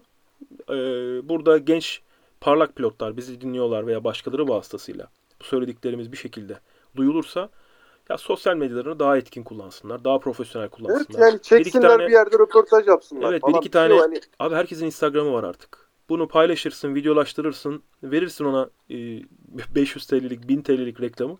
Onu 100 bin kişi görür. Anlatabiliyor muyum? Otomobille Evet. alakalı veya rally ile alakalı insanlar görsün Türkiye'den dersin. 100 bin kişi görür bunu. Böyle böyle böyle böyle sen bunu 2 sene 3 sene arka arkaya yap. E ister istemez kitlen büyüyecek zaten başarılı biriysen. Yarış kazanıyorsan. Bunun yapılması lazım. Hani bunu yapmayanın kendi tercihi tabii ki ama e, buraya gidiyorsak, bu emekleri veriyorsak, e, bu, bunu hani bu- bir rally yarışına gidiyorsun. Bir araca biniyorsun. İşte R2, R5 falan böyle bir şeyler oluyor. Bu araçlarla yarış kazanıyorsun. Podyuma çıkıyorsun. Anlatabiliyor muyum? Bir sürü organizasyon var. Paralar harcanıyor falan filan. Kimin haberi var? Ya senin haberin var biraz. Benim haberim var biraz. Bu kadar. Yani o ilde yaşayanın da haberi yok. Sosyal medyada takip edenin de haberi yok. E, bunu büyütmek istiyorsak özellikle yarışanların buna kafa yorması lazım.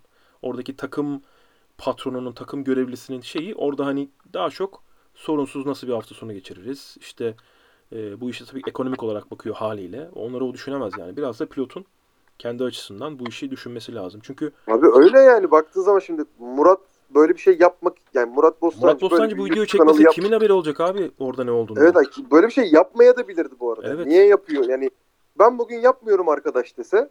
Yani şu anda iyi kötü Murat'ın her videosunu bakıyorum. 9-10 bin kişi seyrediyor. E bu Türkiye yani yeni başlamış bir kanal ve rally'ye hiç ilgisi olmayan bir ülke için gerçekten iyi rakam. İyi rakam. Yani bu 20-30 bin 40 bin olduğunda zaten Formula 1 içerikleri de hemen hemen öyle seyrediliyor Sokrates dışı.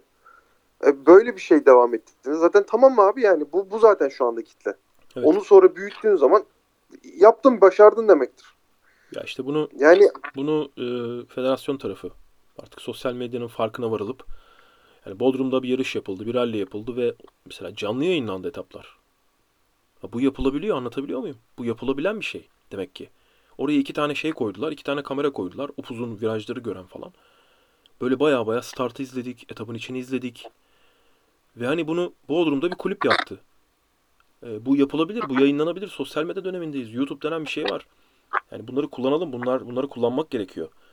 Ee, o yüzden öyle öyle yani mesela rally video hani Fatihler. evet Fatih Ee, Yalçınkaya rally video. Yani ona böyle bir imkan verilse yani federasyon böyle çok bir rahat yaparlar böyle abi. bir Fatih bu işi çok rahat yapar, yapar. yani. Çok rahat yapar. Anladın? Ama adam adam aldığının karşılığında ezbere olan videoları yani bu arada niye öyle yapıyor demiyorum. Fatih'i bir eleştiri yok Ondan burada. onu istiyorlar çünkü adam sonuçta çıkıp da ben yayın aracı evet, getirdim evet. buraya. Ben bunu bilmem kaç yüz bin dolar verdim satın aldım. Hadi burada yayın yapalım demeyecek. İşin malın sahibi, Tabii, tabii. malın sahibi diyecek ki bunu böyle yapalım. Bunun böyle olması lazım. Evet evet yani şu anda Fatih aldığı pa- paranın karşılığında her zamanki özet videolarını koyuyor. Onu da işte rally camiası kendi içinde seyrediyor ve böyle unutuluyor gidiyor. Evet. Halbuki ciddi bir prodüksiyon yapabilir mi Fatihler? Yapabilirler. Çok rahat Hani- yaparlar. Ve ya da işte hani hadi Fatihlerle yapmadan hani X bir insanla yap. Yani fark etmez. Ya şu an Ama onlar yaptığı için sen örneği Ve veriyorsun. yaptırman da lazım. Evet, yaptırman lazım. Ya çok basit, çok rahat yaparsın, çok basit yaparsın. Ee, yani kolay yani. İnşallah bunu- yaparlar. bunu- Sporu bunu- kurtarmaya girmeyelim. Evet bunu yapabilmek kolay. Hayır yani şimdi sosyal medyayı kullanmak gerekiyor. Bizi dinleyenler hasbelkader özellikle genç pilotlar e, başarılı olmaya açık, öne açık, parlak pilotlar özellikle onlardan bunu izlemek lazım. Yani bir inkar videosunu izlemek, iyi bir etapta, iyi gazlanmış bir etaptaki in- inkar videosunu izlemek çok keyifli abi. Kim paylaşırsa paylaşsın yani. Kesinlikle öyle. Ya şimdi biz, Kesinlikle o- öyle. şimdi biz Kerim olduğu için değil ama e, Kerim'in Palio ile Ulu Pelit'te gazlamasını açıp açıp izlemiyor muyuz? Valla ben arada ben arada seyrediyorum. Şaka, Yani- şaka değil. Arada Yani- arada seyrediyorum. yani. Aynen öyle. Şimdi orada gaz al- alıştığı, çok iyi bildiği araç e, çılgınlar gibi gazlıyor. E, biliyor, e, çok hakim. Etabı biliyor, aracı biliyor. E şimdi bu e, aracı bilme, etabı bilme, çok akan bir etap. Bunun kaydedilmesi, yayınlanması. Abi Reels, Reels denen bir şey var. Hikaye denen bir şey var. Bunları kullanalım. Bu videoları paylaşalım. E, geçtiğim işte dün Parkour Racing'in e, pazartesi günü hani bu videoyu kim hangi gün dinleyecek bilmiyoruz. Bu podcast'i kim hangi gün dinleyecek bilmiyoruz. Pazartesi günü Parkour Racing'in antrenmanına gittik. Üstün Üstün Kaya'yla e, pilot Üstün Üstün Kaya'yla kopilotu Kerim Tarın. E, Ford Escort MK2. E, en son antrenman biterken işte hani bir çıkalım gazlayalım falan gibi bir konu oldu. Timuçin sağ koltuğa oturdu. E, ve onu paylaştık. Hani 30 bin kişi izledi abi. Biz paylaştık. 30 bin kişi izledi. Bir dakikalık video. Kerim gazlıyor. Timuçin baya baya elinde e, tuttu. Ondan sonra birazcık yukarı kaldırıp bunu kaydetti. Bu kadar basit. Bir antrenmanda böyle bir video yapacaksın. Reels'a koyacaksın. 100 lira reklamlayacaksın. Ertesi sefer 200 lira. Sonra 500 lira. Anlatabiliyor muyum? Bu, bu kadar basit. Başka hiçbir şey yapmana gerek yok. Çünkü bu ne demek? Kopilotun gözünden ralli. Bu, bu, bu, cümle bile yeter yani onu paylaşman için. Sen kendi, Kesinlikle sen kendi cümleni kullanabilirsin. Ama sosyal medyayla büyür bu işler yani. O yüzden onu söylemeye çalıştım. Kesinlikle katılıyorum. Dediğine kesinlikle katılıyorum. Kocaeli'de insanlar Bakalım inşallah birileri devam eder. Kocaeli'de insanlar en kolay nereden izleyebilirler? Bize böyle bir tane iki tane yer söyle. Kapatalım podcast'i. Kocaeli'nde e, yanlış görmesem Eşek Meydanı denen yer yine seyirci noktası olarak var. Yani daha Eşek Meydanı dediğimiz yer Umut e, Tepe'de. Yani Kocaeli'nde Kocaeli Umuttepe, orada. Umuttepe kampüsüne doğru, Kocaeli Üniversitesi Umuttepe kampüsüne doğru gidiyorsun. Kampüse girmiyorsun, dümdüz devam ediyorsun. O yol zaten seni oraya götürüyor. Aynen öyle. Bu kadar basit. Zaten oraya gittiğinizde Eşek Meydanı dediğinizde hani oradaki şeylere, esnaflara sorun. Kocaeli Üniversitesi'nin önündeki esnaflara. Eşek Meydanı nerede deyin. Sizi oraya gönderecektir. Orası bayağı kalabalık olan bir yer.